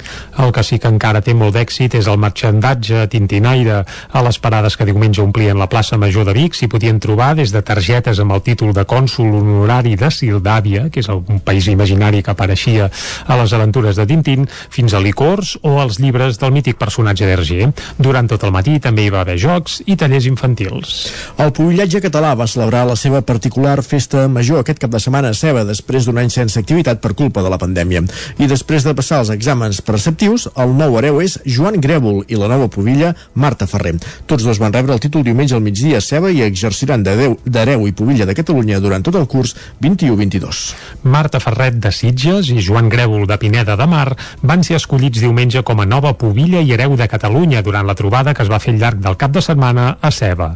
Tant Ferret com Grèvol havien estat escollits pubilla i hereu de les seves poblacions l'any 2019 i no ha sigut fins ara que han pogut aspirar al pobillatge català, ja que durant l'any 2020, per culpa de la pandèmia, no es va poder celebrar el certamen. Pel que fa als mèrits dels dos candidats, dissabte es van fer els exàmens preliminars on hi van prendre part una cinquantena d'hereus i pobilles de tot Catalunya. Diumenge la jornada va començar a primera hora del matí, amb la concentració de tot el pobillatge a la sala polivalent de Ceba i la inauguració d'una placa de ceràmica que recordarà l'esdeveniment. Tot seguit es va fer una desfilada fins a la Font dels Sorts i allí, als Jardins, es va fer l'acte de proclamació del nou hereu i pobilla catalans. El certamen l'organitzava el Foment de les Tradicions Catalanes amb el suport de l'Ajuntament de Ceba, un poble on des de sempre ha estat molt arrelada la tradició de l'hereu i la pobilla. Casa Terradellos us ofereix el temps. I arribats a aquest punt, és moment de conèixer la previsió meteorològica, Jordi. Exacte, i evidentment qui ens a la costa cada dia és en Pep Acosta i a primera hora del matí ja ens ha avisat que pot ser que s'acostin canvis, eh? per tant després d'una quinzena de dies amb anticicló i estabilitat i monotonia i bé, entre cometes avorriment meteorològic, podria ser que de cara a la castanyada, ves per on també ha d'esperar la Quina castanyada sí, sí, pot ser que s'acostin canvis però ens ho explicarà molt millor en Pep, aquí ja saludem bon dia Pep Hola, molt bon dia. Hola. Continuem amb un ambient eh, agradable, eh, de poca tardor, tot i que les nits es va refredant, les hores nocturnes eh, es fan llargues, hi ha una mica d'humitat, eh, fa fresqueta, però bueno, n'hauria de fer bastanta més. De dia encara les temperatures molt suaus, les màximes entre els 18, 23, 24 graus. A migdia s'hi està força bé, eh? Ja dic que aquest mateix temps fa molts i molts dies. Però alguna cosa està movent. Ep. Alguna cosa es mou, està començant a entrar un front per l'oest de la península ibèrica. Fa molt de temps que no entrava un front així atlàntic per la península i avui ja començarà a entrar. A casa nostra encara no notarem cap canvi. Avui les temperatures són molt semblants als últims dies, mínimes entre 0 i 5 al Pirineu, entre 5 i 10 a la majoria de les nostres poblacions, no està baixant la, la temperatura i hi ha pocs núvols. De cara al migdia seguirà la mateixa tònica, alguna nuvolada que creixerà, molt poca cosa, les màximes entre els 18 i els 23-24 graus. Però aquest front atlàntic, eh, mica a mica es anirà acostant, i de cara als pròxims dies veurem la seva afectació. Però sembla que sí que hi haurà un canvi una mica per fi una mica, per fi, per fi una mica de canvi Aviam. a l'aspecte meteorològic. Veurem, veurem que s'acaba confeccionant els pròxims dies i quina serà la situació però serà més interessant sens dubte que la que tenim ara mateix. A partir de demà ja ho anirem concretant una mica més. Moltes gràcies i fins demà, que ja anirem concretant més aquest canvi de temps que ja tenim gairebé a sobre. Moltes gràcies, adeu. Exacte, estarem al cas d'aquest canvi que ens augura en Pep. Demà més detalls. Isaac, ara anem cap al Moianès, a l'entrevista. Correcte, ens espera ja la nona rola. Doncs vinga, un quart d'onze, anem-hi. Us ha ofert aquest espai. Territori 17. Envia'ns les teves notes de veu per WhatsApp al 646 079 023. 646 079 023. WhatsApp Territori 17.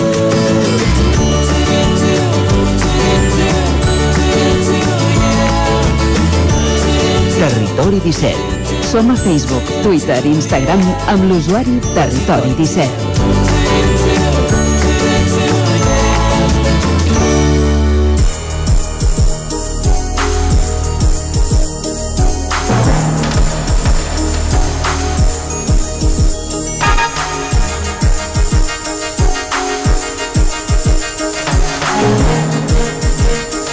Passa un minut i mig d'un quart d'onze del matí, les joventuts musicals del Moianès programen durant tot l'any diferents cicles i festivals per oferir a la comarca del Moianès concerts de qualitat, sobretot de música clàssica. Caral Campàs, des d'Ona Codinenca. Bon dia. Bon dia, sí, de fet aquest dissabte, aquest mateix dissabte a les 6 de la tarda a l'Auditori de Sant Josep ofereixen un concert amb Mireia Tarragó soprano i Carmen Santamaria al piano. I a més avui també ofereixen una audició d'òpera comentada a la Biblioteca de Mollà. Per conèixer l'entitat no, eh, Joventuts Musicals del Moianès i aquesta programació musical tenim a l'altra banda de la línia telefònica a Nona Arola, presidenta de les Joventuts Musicals del Moianès. Bon dia. Bon dia, Nona. Bé, sembla que hem perdut aquesta comunicació. Intentem recuperar-la.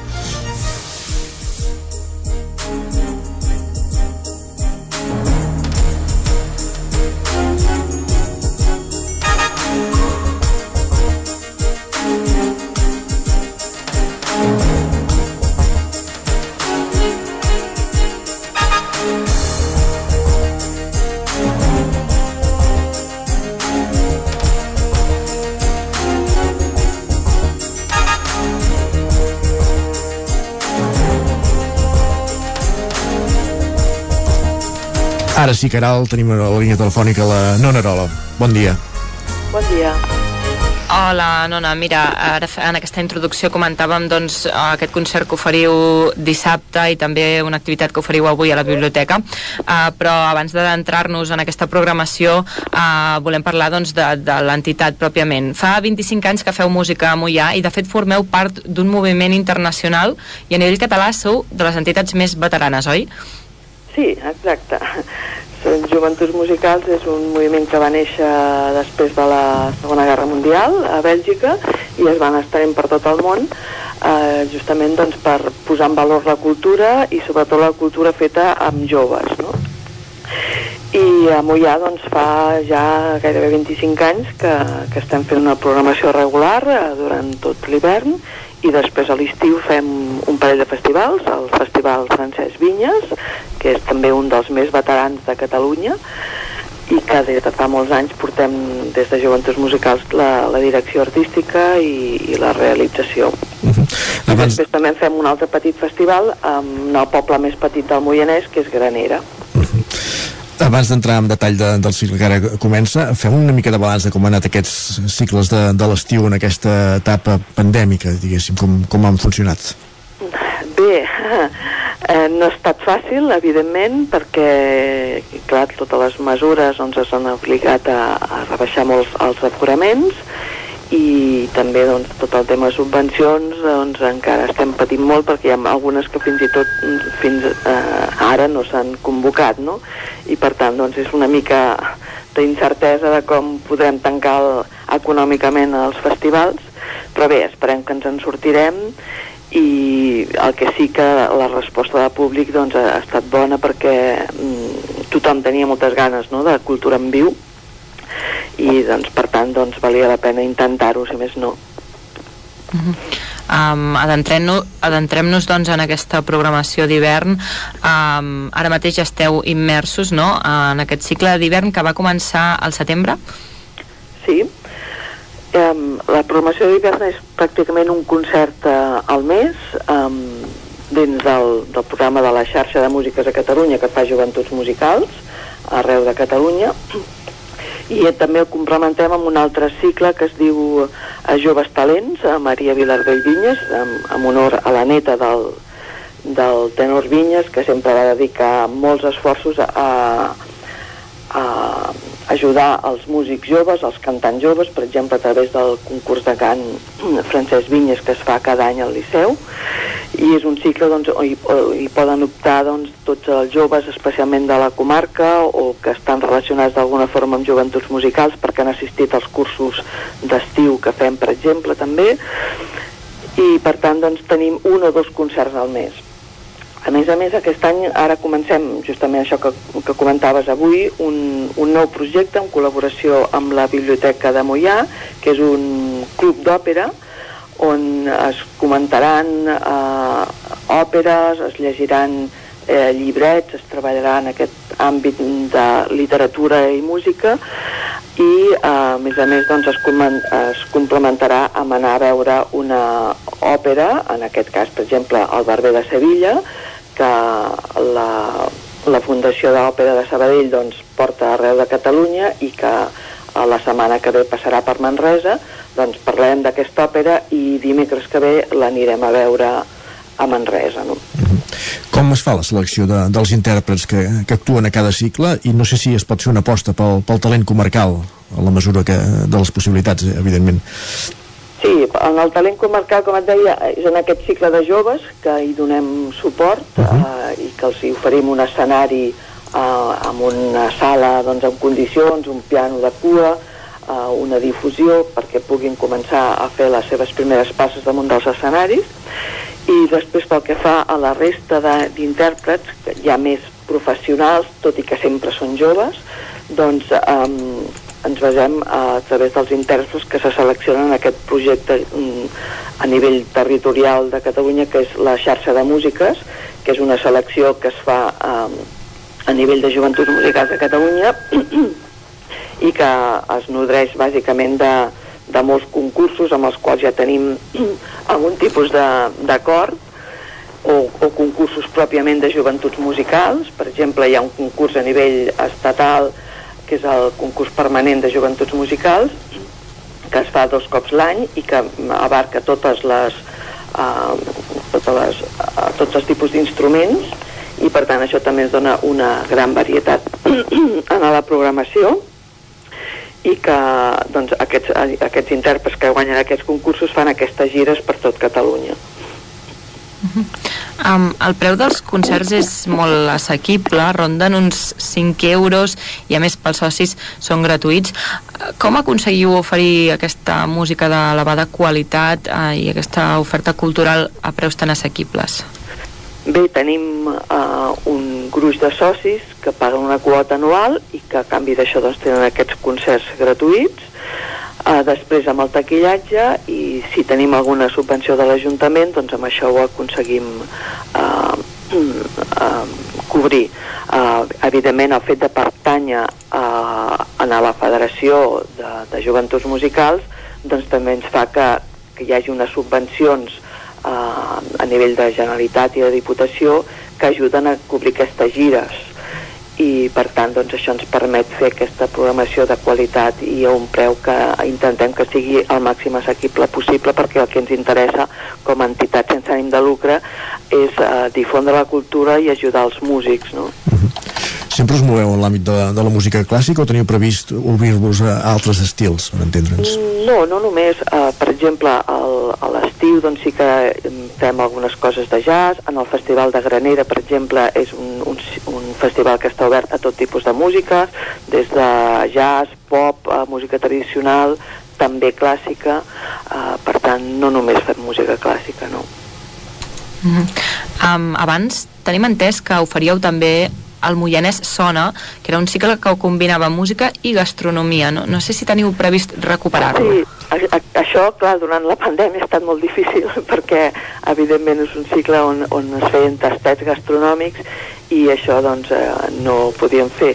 Uh, aquest cicle va néixer justament quan s'estava uh, muntant el fet de que fóssim comarca i va tenir molt èxit, després hem descansat durant un, un període, però segurament eh, serà un cicle que, que tenim ganes de reprendre també, perquè era portar música a llocs insòlits on normalment doncs, no són visitables, com petites ermites o una poua de glaç o, o una balma al mig de la muntanya i, i després combinar-ho doncs, amb, amb aquest tastet gastronòmic a base de productes de la comarca, que és una comarca doncs, que també es coneix per tot el seu potencial agroalimentari i per tant va ser un cicle molt, molt maco i que va tenir molt èxit i no descartem pas tornar-lo a reprendre, i tant.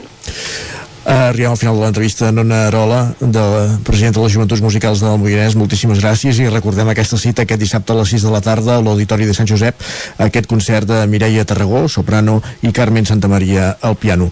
Que sí, vagi... serà, serà un concert eh, molt interessant perquè estarà dedicat a dones compositores, justament. Perfecte, doncs prenem nota per aquest concert, com dèiem, dissabte a les 6 de, de la tarda. Que vagi molt bé l'activitat de, de, de l'entitat. Moltíssimes gràcies. Gràcies a vosaltres. Bon dia.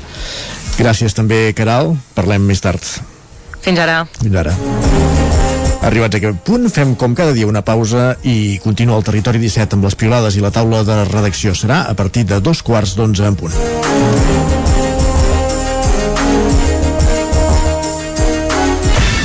El nou FM, la ràdio de casa, al 92.8.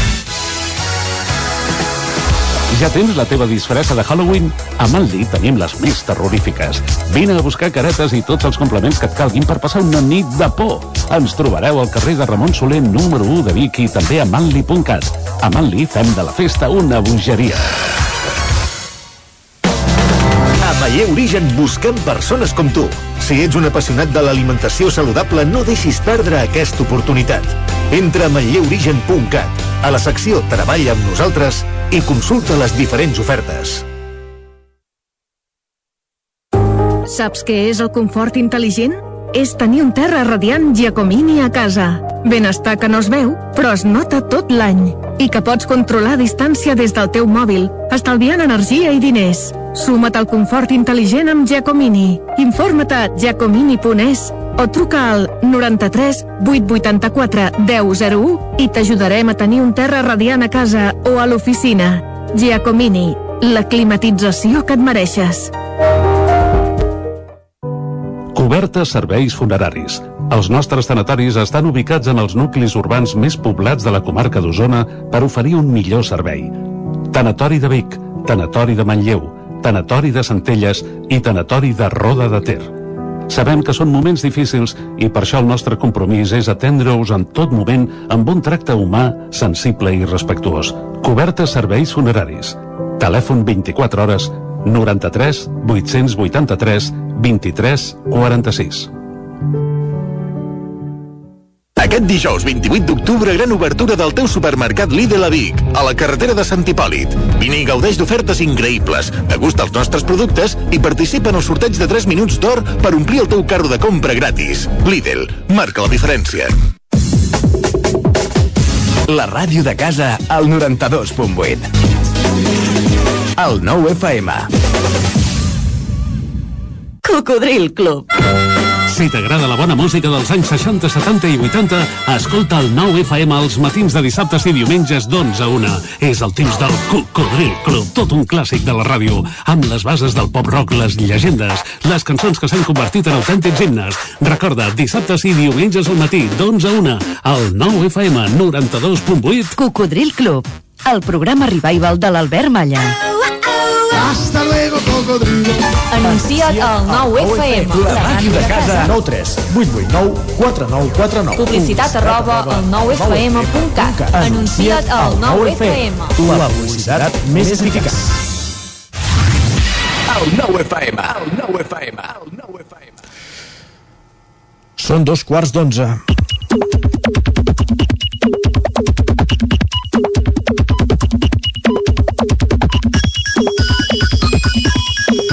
I a aquesta hora, com cada dia, al Territori 17 ens acompanya en Guillem Sánchez eh, per explicar-nos què diu Twitter a aquesta hora. Ja el tenim aquí, en Guillem, eh? Sí, m'agrada. Guillem, què tal? Molt bé, molt bé. A punt ja per la castanyada i pel Halloween, que, Plourà, que eh, plourà. Sí, en Pep Acosta ens ha dit que sí, sí, que pot ser que canvi el temps, eh? Bueno, doncs l'ha- l'haurem de fer d'interior, això no Ah, sí, per- clar, passa per res. Ja, ja, ja ho hem comentat prou, ja s'hi val també fer-ho sota cobert. Doncs va, com que d'aquí uns dies ja se celebren aquestes dues festes, avui Twitter eh, ja va una mica ple de què podrem fer aquests, aquests dies per Castanyada i per Halloween. Des de Tona, l'usuari de Llonces ens escriu... De Llonces? De Llonces. En els últims 5 anys, el percentatge de mainada interessada pel Halloween s'ha doblat o és una sensació que noto cada dia? Diu, Multiplicat per 10. Diu, la, la castanyada és el Barça de Koeman. Ara, pla. li, li cauen per totes bandes amb aquest home. En Jaume li, li respon la mainada interessada per Halloween és equivalent a la mainada desinteressada pel Barça, una altra i jo crec que en aquest cas la reflexió de la Irene em sembla molt encertada, que diu em sembla genial que se celebri el Halloween però ensenyeu a la mainada que és una festa diferent a la castanyada per tant jo em, em, em, em sumo amb aquest, eh, amb aquest escrit i amb Bé, aquesta deixa'm recomanació. fer un apunt, i és que algunes escoles el Halloween el treballen en el marc de la classe d'anglès, que per tant ja tindria un relatiu sentit i la castanyada de tota la vida es fa, doncs, com s'ha fet sempre, a, a, per tots i a, A nivell i a global, tota hora, a i global, amb castanyes, amb panellets, el que dèiem ahir de la PCR. Correcte. Que ja ens hi apuntem, eh? Recordem que eren panellets, castanyes i ratafia. El moscatell també s'hi també diu, s'accepta. Sí, sí, sí, també. Alguns llocs es van preparant doncs, per aquesta celebració que ha de venir aquests dies. Per exemple, l'usuari El Xerrac ens diu kit de la castanyada popular que va cap a Cardedeu, pinyes per l'encesa, 40 quilos de branqueta per la flama, diu, i un parell de tions per aguantar la tarda. Per tant, a Cardedeu doncs, ja estan una mica més preparats per, per aquesta celebració. no, aquest usuari segur Correcte. que sí. I amb això ja tindríem doncs, molta feina avançada. I qui diu castanyes ha de pensar també en els panellets. Home, Aquí és, home. és evident. Uh, L'usuari, l'àvia Maria, ens comenta avui he comprat panellets, he hagut d'ampliar la hipoteca. En Jaume també els troba una mica cars, diu el No, preu, una mica no, molt. el preu del panellet puja cada any, aviat amb dos panellets podrem comprar una casa i també en aquest sentit es diu els panellets aviat, aviat seran un valor refugi més que un bitcoin. Ens riuten del preu de la llum que el preu dels panellets sí que són fila. Les matèries primeres per fer els panellets també són cars. Perquè els, els pinyons. Sí, sí, els pinyons. Perquè vosaltres els sou més de panellets o de castanyes, Jordi, Isaac? De tot. Jo les dues coses, però... I- i del de ratafia o mosquetell, Home, també. també, també, tot, tots són de PCR autèntic, que sí. I d'algun gust en, en, en concret, els, els panellets o dels tradicionals? Els pinyons. Jo els tradicionals tots, eh? Aquell, el d'ametlles, el de pinyó, no sé l'Isaac... Que... Pinyons, pinyons. De... I el de coco també s'ha de dir que... També, també, el de coco, és que tots, tots baixen bé, tots els panellets, és que és una tradició il·lustrada i són molt bons, perquè ens hem d'enganyar.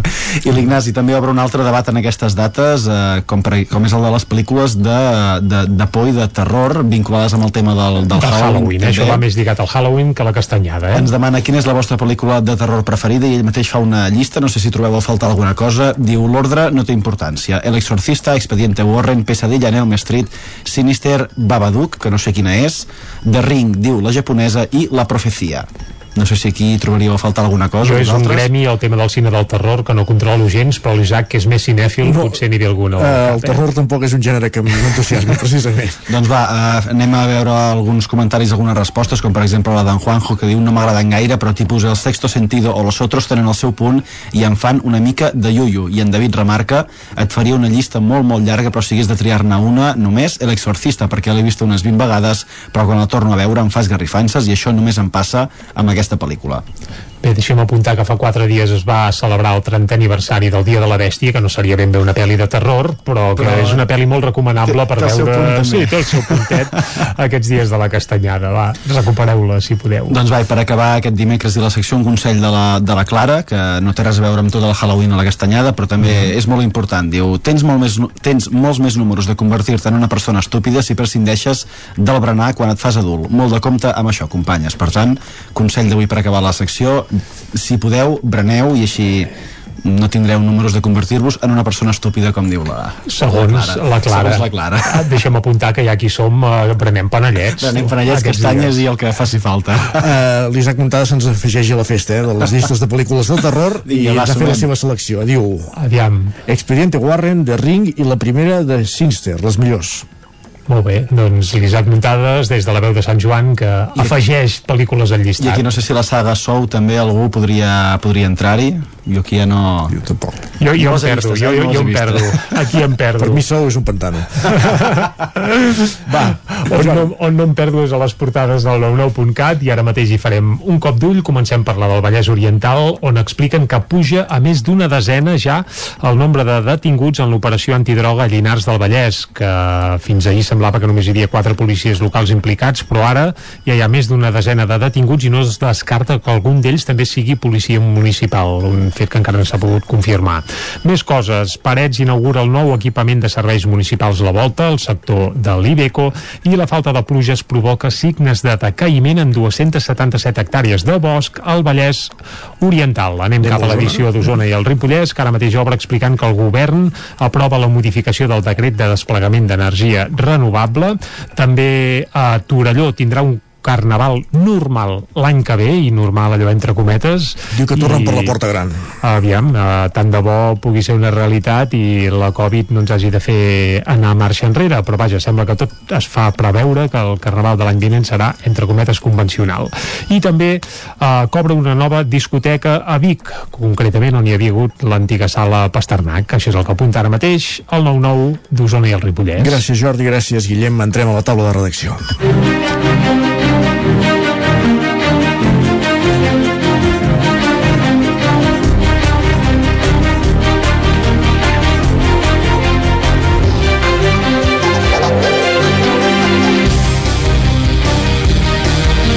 La taula de redacció avui ens hi acompanyen la Txell Vilamala i en Jordi Vilarrodà. Comencem, Txell, parlant del ple de Manlleu. Ja hem dit abans a l'informatiu que aquesta setmana és una setmana de plens, i no només de plens, sinó que la majoria d'ells s'hi aproven les ordenances fiscals, taxes i impostos per al 2022, i si no tenim malentès va ser el cas ahir de, de Manlleu. És així, oi? Exacte. Hola Isaac, bon dia. Bon dia. Doncs ahir sí, hi havia ple Manlleu, com bé deies, el ple de les ordenances, tot i que van sortir molts altres temes. Va ser un ple molt llarg, també força crispat, i amanit eh, amb el debat sobre la seguretat, que ja sabeu que uh -huh. aquests dies És latent. eh, és latent a Manlleu. Eh, S'han instaurat aquestes concentracions alguns dissabtes a la tarda, però a més a més l'equip de govern també està prenent mesures. La setmana passada ho explicàvem de manera detallada al 9-9, amb aquest nou sistema amb un mitjançant una aplicació i càmeres de videovigilància, també es vol canviar el model policial, per tant això també va rondar pel ple d'ahir, tot i que com bé deies Isaac, eh, el ple es va iniciar amb el debat de les ordenances, unes ordenances que a nivell general pugen, eh, hi ha una pujada de l'impost sobre béns immobles i també de la taxa d'escombraries que al final eh, acaben sent les més populars, l'IBI perquè és la que més grava la butxaca dels ciutadans i les escombraries també perquè al cap i a la fi acaben afectant a tothom. En el cas de l'IBI es passa, eh, s'augmenta el tipus impositiu, això acaba repercutint en una pujada d'un 4,8%, que vol dir que el rebut eh, mitjà l'any 2021, el que ara deixem enrere, el que deixarem enrere de, era de 394 euros i es passarà a un rebut mitjà de 413 euros. Déu-n'hi-do. En el cas de la taxa d'escombraries, eh, el rebut general passa també de 135 a 142 euros, tot i que en aquest cas es toca només les escombraries que recullen a casa, els residus domèstics, eh, i no les d'indústries, comerços eh, i altres tipus de, de serveis. L'equip de govern va justificar la pujada explicant que per prestar serveis evidentment eh, fan falta ingressos que s'està sortint de la pandèmia i que els serveis també s'han de reactivar i llavors algunes derivades que no venen directament determinades per l'Ajuntament com la pujada del sou del personal públic eh, dels funcionaris que ve determinada eh, des de Madrid i altres derivades que no controlen directament com també la pujada del tractament del cost dels residus eh, l'encariment de les tones que entren a l'abocador d'Uris també del tractament a la planta de triatge totes aquestes derivades que en el cas dels residus sí que haurien de canviar un cop a Manlleu passi a implantar el porta a porta recordem que això ha de ser a la primavera d'aquest any 2022 però en qualsevol cas com que el gener i el febrer el començaran com fins ara doncs es va haver d'aprovar aquest rebut uh -huh. uh, l'equip de govern va trobar la complicitat uh, de la CUP en gairebé tots els punts de les ordenances eh, eh, ells eh, també van explicar que a vegades és molt impopular evidentment pujar impostos però que s'ha de ser responsable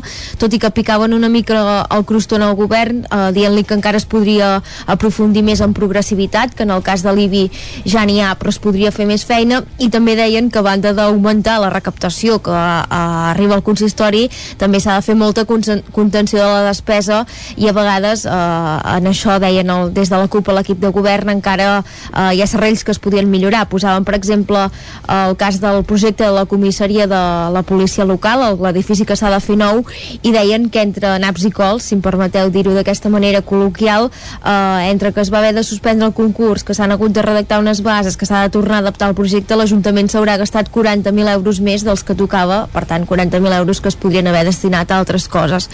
Tot i això la l'oposició més crítica va ser la del PSC eh, que va criticar molt la decisió de l'equip de govern de pujar la majoria d'impostos. Va parlar el regidor socialista Toni Poyato i ell va dir que sortint de la pandèmia i encara amb molts efectes del Covid-19 no era el moment de carregar encara més la butxaca dels ciutadans. I deia això que 12 euros en el rebut de les escombraries al cap de l'any hi ha qui li pot semblar molt poc però altra gent que té moltes dificultats que li costa sobreviure i que per tant aquests 12 euros també, també els notarà. Uh, picava el crostó uh, l'Ajuntament, això, hi va haver força debat i criticava que s'optés per una pujada d'impostos, recordant també que en el cas de l'IBI, per exemple, fa dos anys ja es va pujar un 4,5% i ara arriba aquesta pujada del 4,8%. Uh, les ordenances, diguem que van encendre el ple, part de servir per arrencar la sessió també eh, van generar força debat però també hi va haver altres temes eh, d'interès. Ahir al ple de Manlleu ens sorprenia un que destacava al final de l'ordre del dia que era relacionat amb el centre d'atenció primària. Sí. ho hem explicat altres vegades aquí al territori 17 ja fa temps que els professionals que treballen al CAP es queixen que se'ls ha fet petit. De fet eh, des de l'Ajuntament també se n'havia parlat amb la Generalitat. També n'havíem parlat nosaltres amb Salut i és un tema que no s'acabava de resoldre. Ara sí que semblaria que el Departament de Salut s'ha posat les piles i el que proposa l'Ajuntament de Manlleu eh, és que eh, li cedeixi el parc del Torrent Magí, una part d'aquest parc del Torrent Magí, que és just al costat d'on ja de fet ara hi ha l'actual CAP, i que allà s'hi construeixi un edifici de nova planta de 1.800 metres quadrats, això se'n cuidaria el Departament de Salut. El que hi va fer l'Ajuntament és aprovar una requalificació d'aquests terrenys, que ara són zona verda, eh, perquè constin com a equipament, de manera que després es pugui fer la sessió corresponent a Salut i el dia de demà s'hi pugui construir l'edifici.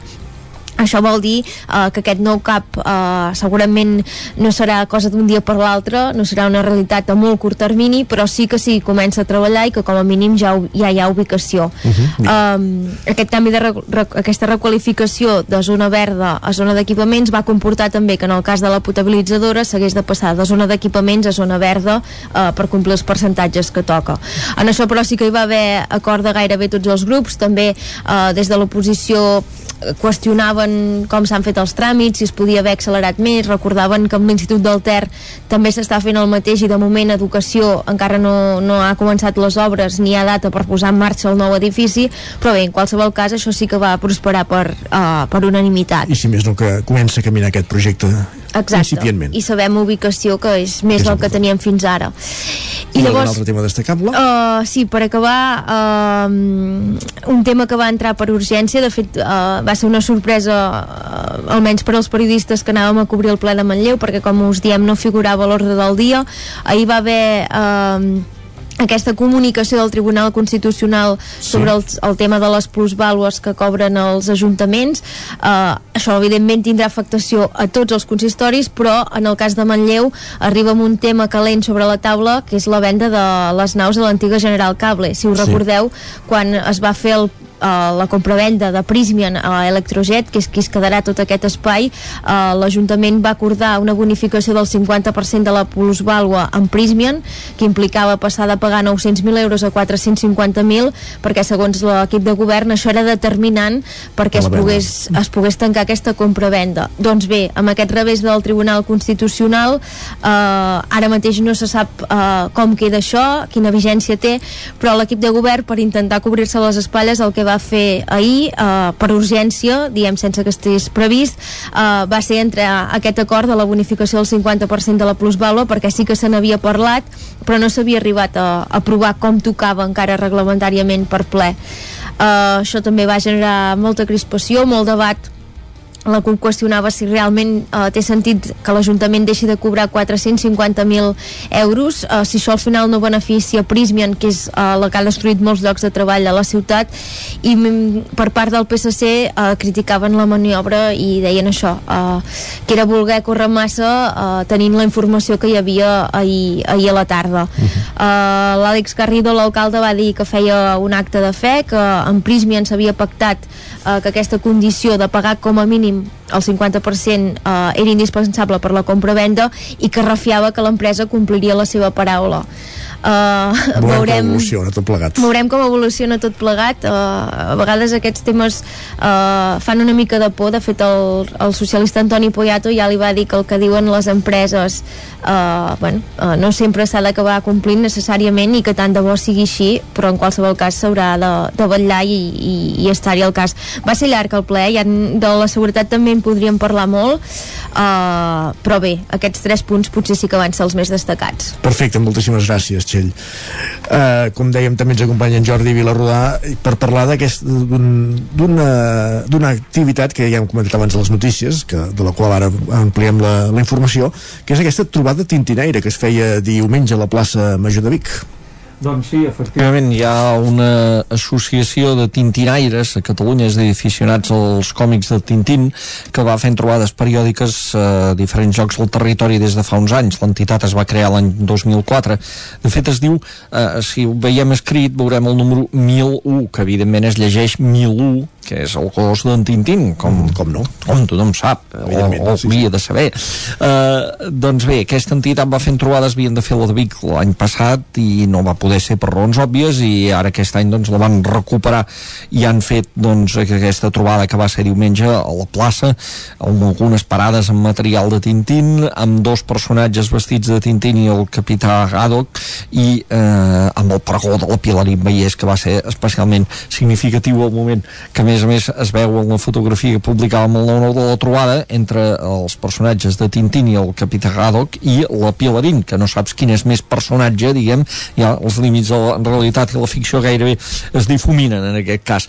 Va ser una trobada curiosa... El Pilarín és un personatge però és una gran persona també. És personatge i persona, exacte. I va ser com una salutació fraternal gairebé d'uns altres.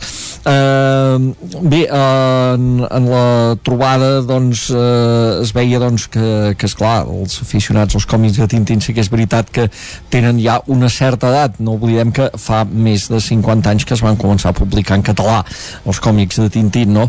I ens deien els responsables de l'entitat que el que costa una mica és que també s'hi aficionin noves generacions, si no és perquè hi ha una mena de transmissió familiar, diguem, perquè és clar, els joves tenen altres moltes opcions eh, en el món del còmic, per exemple, sense marxar lluny d'aquí, i, i que fins i tot poden sintonitzar més amb els, amb els temps actuals. Però, de totes maneres, sí que és veritat que els aficionats ho són molt. Catalunya és, té la tercera entitat tintinaire del món, o sigui, hi ha la més, la que té més socis, evidentment, és la franco-belga, perquè Hergé, el dibuixant, era belga, després hi ha l'holandesa i després hi ha la de Catalunya, on es van començar a publicar eh, l'any 1964 els còmics de Tintín traduïts al català pel gran periodista Joaquim Ventalló. Eh, i, i, i això va ser i això es va recordar diumenge també va ser important també per tota una generació que a aquell moment dels anys 60 evidentment encara no, no, no veia ni de lluny el català a l'escola i eh, aquella generació es va educar en la llengua a través del Tintín i a través d'altres còmics que van venir després o de la revista Cavall Fort. Però el Tintín va ser un dels primers. De fet en, en Joaquim Ventalló un periodista de l'època, eh, o sigui, forjat en l'època republicana, represaliat, que va haver d'anar a l'exili, que va tornar, que estava eh, pràcticament vetat per la seva ideologia, ell es va oferir, ell ja traduïa els tintins en castellà per l'editorial Joventut de Barcelona i es va oferir per fer-ho en català, fins i tot gratuïtament, perquè ell creia que això era un servei de país. I d'aquí va sortir tota la riquesa del vocabulari aquesta dels insults del capità, del trinxeraires, etc etc, doncs del català aquest d'en Joaquim Ventalló. Coses que es van recordar en el, la trobada aquesta i on la Pilarín fins i tot va abordar una qüestió en el pregó, que és una mica debatuda a vegades. El Tintín té coses que ara ens semblarien fora de temps. I políticament incorrectes, no? Ah, exactament. Uh, Tintín al Congo té, té, el podríem qualificar en alguns moments de racista. Que, llavors, què deia la Pialarina? Esclar, que tot s'ha de valorar en el seu moment i en la seva època, i que tot s'ha de saber contextualitzar i que tampoc no privem si volem, els més joves de gaudir amb el Tintín, situant-ho, contextualitzant-ho, explicant-ho, però no fent-ne un anatema, no? Ella deia que no fem d'inquisició, eh? que, que situem cada cosa en el seu temps i Hergé, com qualsevol persona, era fill del seu temps i de la seva geografia, de la seva procedència, de la seva cultura i de moltes coses. Uh -huh. I també va anar evolucionant, evidentment, al llarg dels anys, al llarg de tota la seva llarga trajectòria com, com a dibuixant amb el Tintín. Doncs bé, això seria doncs, una mica tot el que va passar, tot el que es va dir, i a més a més doncs, es va comprar allà marxandatge i algunes coses molt curioses, com el carnet d'identitat que es podia demanar de la República de Sildàvia, que si algú busca el mapa evidentment no existeix, però tots els lectors de Tintín saben que és una república. Doncs allà es podia demanar el carnet d'identitat. La Pilarín va demostrar que no, no l'havia de demanar, ja el tenia ella, el tenia. ella ja el tenia, ella ja el tenia. Molt bé, doncs de Tintín, amb, amb Tintín es va convertir la, la plaça Major de Vic diumenge, ens ho explicava en Jordi Vilarrodà, moltíssimes gràcies, però continuarem parlant de llibres tot seguit amb la Marta Simón, serà d'aquí res 20 segons. Fins ara mateix.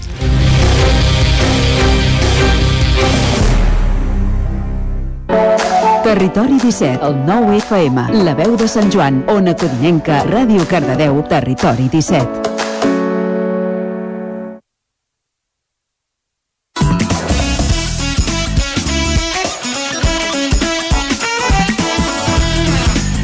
I com cada dimecres a aquesta hora, la recta final de la segona hora del territori 17, és moment de parlar de llibres, de literatura, Lletra Ferits. I avui parlem d'un llibre publicat recentment per l'editorial Coma Negra que ens permet recordar i alhora reivindicar la literatura de més d'una vintena d'escriptores catalanes. Ho fem, com dèiem, en companyia de la Marta Simón, llibretera de Muntanya de Llibres. Bon dia, Marta. Bon dia. Doncs... doncs sí, parlem de Baules, que és un llibre que ha publicat com a com has dit, i que ha escrit Marta Nadal. És un llibre d'aquells eh, que són absolutament necessaris a qualsevol literatura i et diria que la nostra és imprescindible perquè ens permet resseguir la línia eh, que conformen les veus d'algunes de les escriptores que hem tingut al llarg del segle XX i d'aquest segle XXI.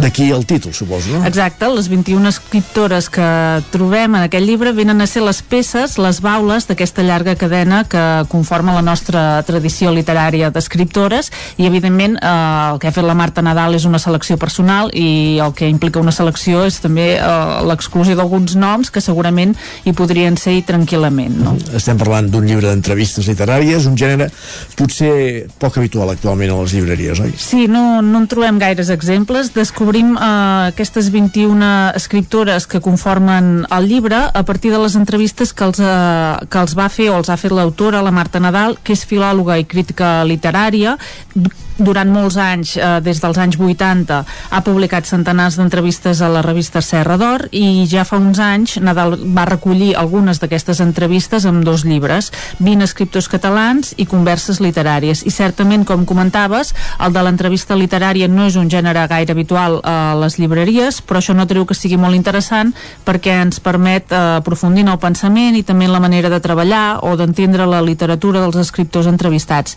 De tant en tant apareix algun títol, Uh, per exemple, l'any passat sí que l'editorial Acantilado va publicar amb dos volums Ideal com a regal mm. uh, de Nadal per posar la carta als Reis, molt interessant. Uh, dos volums, una selecció d'un centenar de les entrevistes que uh, es van publicar a la mítica de Paris Review. D'acord. I pel que fa a Catalunya, doncs uh, a finals dels 60 i durant els 70 sí que Montserrat Roig i Baltasar Porcel havien fet uh, moltes entrevistes també a Serra d'Or o, a la, o per l'editorial Destino i sí que eren entrevistes de molta qualitat a personatges del món de la cultura i hi havia eh, força escriptors. Uh -huh.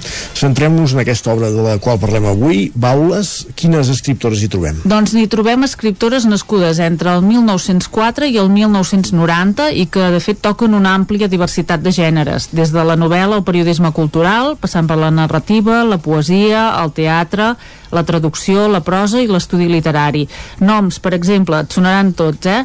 Maria Aurelia Capmany, Montserrat Avelló, Teresa Pàmies, Marta Pessarrodona, Maria Antònia Oliver, Carme Riera, Dolors Miquel, Núria Cadenes o Irene Solà, entre d'altres, eh? N'hi ha, ha més. Algunes de les entrevistes es van fer, com dèiem, ja fa temps i es van publicar en el seu moment a Serra d'Or i d'altres s'han fet especialment per a l'ocasió. Nadal ha ordenat, que això està bé, ha ordenat les entrevistes segons la data de naixement de les escriptores, no segons l'ordre en què es van publicar o es van elaborar, i la primera entrevista correspon a Anna Morlà, que era una escriptora amiga de Rodoreda, sobretot a, durant l'exili a França i autora de diverses novel·les i algun llibre dedicat al seu company Agustí Bartra no és una escriptora precisament gaire sí que ha estat reivindicada però potser està una mica oblidada no hi està bé que obri aquest recull i el tanca l'Irene Solà que és d'aquí de, de la comarca Malla, no? sí, sí. sí l'autora de, de la famosa Canto jo i la muntanya balla que és precisament no, en contraposició a l'Anna Morlà és una autora molt jove que ha tingut molt d'èxit no? I, i que està al, al principi de, de la seva trajectòria Uh -huh. uh, ens quedem amb un detall que explicaves ara, el fet que les entrevistes estiguin ordenades cronològicament, segons l'edat de les escriptores, ajuda, suposo, a exemplificar aquesta continuïtat de què parlaves al principi, oi? Sí, exacte. És molt interessant, per exemple, veure els diàlegs que s'estableixen entre les diferents entrevistes. Per exemple, moltes de les entrevistades parlen amb admiració o tenen com a referents Montserrat Roig o Maria Mercè Marçal, que també eh, formen part d'aquest llibre, no? I un altre aspecte interessant del gènere de l'entrevista literària és que ens permet descobrir què pensaven o què pensen les autores de la seva obra, de la seva pròpia obra, de la seva manera d'entendre la creació o la seva visió del món en relació, per exemple, a la política, a la llengua o al paper de la dona. És, de fet, un d'aquells llibres que acaba ben subratllat perquè hi trobem curiositats o reflexions molt interessants. Bueno, doncs posa'ns alguns exemples. Més que una reflexió, per exemple, una curiositat interessant és descobrir, per exemple, quins són els referents de Maria Aurelia Capmany, no? que n'hi ha moltes que la posen com a referent a ella, doncs a veure quins són els seus referents. Uh, a l'entrevista es declara admiradora de Henry James, de Tolstoi, de Balzac, de Narcís Uller, Puig i Ferreter o Pirandello, o, per exemple, també és interessant descobrir, o és una curiositat, eh, que Teresa Pàmies era una gran aficionada als boleros i que, de fet, tenia un espai de ràdio on parlava de crònica social a ritme de boleros, que en tenia moltíssims i, i, que, i que bé, que ella deia, a veure, què, què hi he de posar de, de banda sonora en aquest espai? La internacional? Doncs no, els boleros, Boleros. Que, que són vida, no?, també. I no sé si et sembla que per acabar podem recuperar una reflexió eh, de la Montserrat Roig, una de les tantes, eh, perquè la seva entrevista és molt interessant. Segurament, sí. Mira, diu, el drama és adonar-te que a través de la literatura vols agafar la vida i aquesta vida al mateix temps se t'està escapant. Quan jo era més jove, allò que em plantejava era el fet de viure, volia viure molt, intensament, i a més a més escriure. Amb els anys m'adono que això no és possible, que una cosa és el somni i l'altra la realitat, perquè la vida s'escapa, no és que tu la defugis, és que la vida se te'n va. Aleshores, la literatura es converteix, potser, en una forma d'atrapar la vida. No és viure una altra vegada, sinó que esdevé la voluntat de no morir-se, i per això escrius. Montserrat Roig, Dixit. No? Exacte. No cal dir res més. Exacte. Marta, sí que un, un parell de preguntes finals. Sí que el que estem veient és una tendència als últims anys. Eh, sempre n'hi ha hagut de dones escriptores, evidentment, eh, però una tendència, diguéssim, a un, un, un boom, no? diguéssim, en, en potenciar el, el món de la dona en l'àmbit literari, diguéssim. Sí, jo crec que això és una evidència de fet també sortem alguna de les entrevistes a les autors més recents que se'ls demana això per al paper de la dona al, actualment a la literatura i per exemple li demanen a Núria Cadenes i ella reflexiona que, home, que sí que cada vegada doncs ja són més presents no? i a més a més eh, hi ha molta gent que o sigui, jo crec que les escriptores donen com una sensibilitat o diferent, no? Uh, tenen una veu diferent dels escriptors, ni millor ni pitjor diferent, i molta gent sí que l'ha descobert ara, no? I, i la busca uh, a les llibreries. I hi ha un reconeixement d'escriptores que havien estat oblidades i també d'escriptores noves, i això està, està molt bé. I abans ens feies aquest punt d'altres llibres d'entrevistes, de, que és un gènere que, que ara mateix doncs, té, té poca representació, però ens, ens parlaves d'aquest d'aquesta col·lecció, d'aquest doble volum de, de l'any passat, que era un regal ideal per Nadal, de cara a aquest Nadal, quins són els regals i, i Ui. quins són els regals ideals? Ja en parlarem el mes que ve d'això. D'acord, però ja entenc que ja, ja s'apunten coses. Sí, no? home, les editorials ja tenen els seus títols eh, publicats i a les llibreries ja, i a més aquest ha sigut un bon any per, les, eh, per la literatura, perquè després de la pandèmia s'ha llegit cada vegada més i per tant jo crec que serà un bon any per regalar llibres també. Perfecte, doncs moltíssimes gràcies Marta A vosaltres. llibreter de muntanya de llibres, avui hem parlat d'aquest bau les 21 escriptores i la seva literatura entrevistes a càrrec de Marta Nadal que dita com a negra. Arribem al punt de les 11 al territori 17 serà el moment de fer un nou repàs informatiu per posar-nos al dia de l'actualitat de les nostres comarques. Com dèiem, són les 11. Territori 17, amb Isaac Moreno i Jordi Sunyer.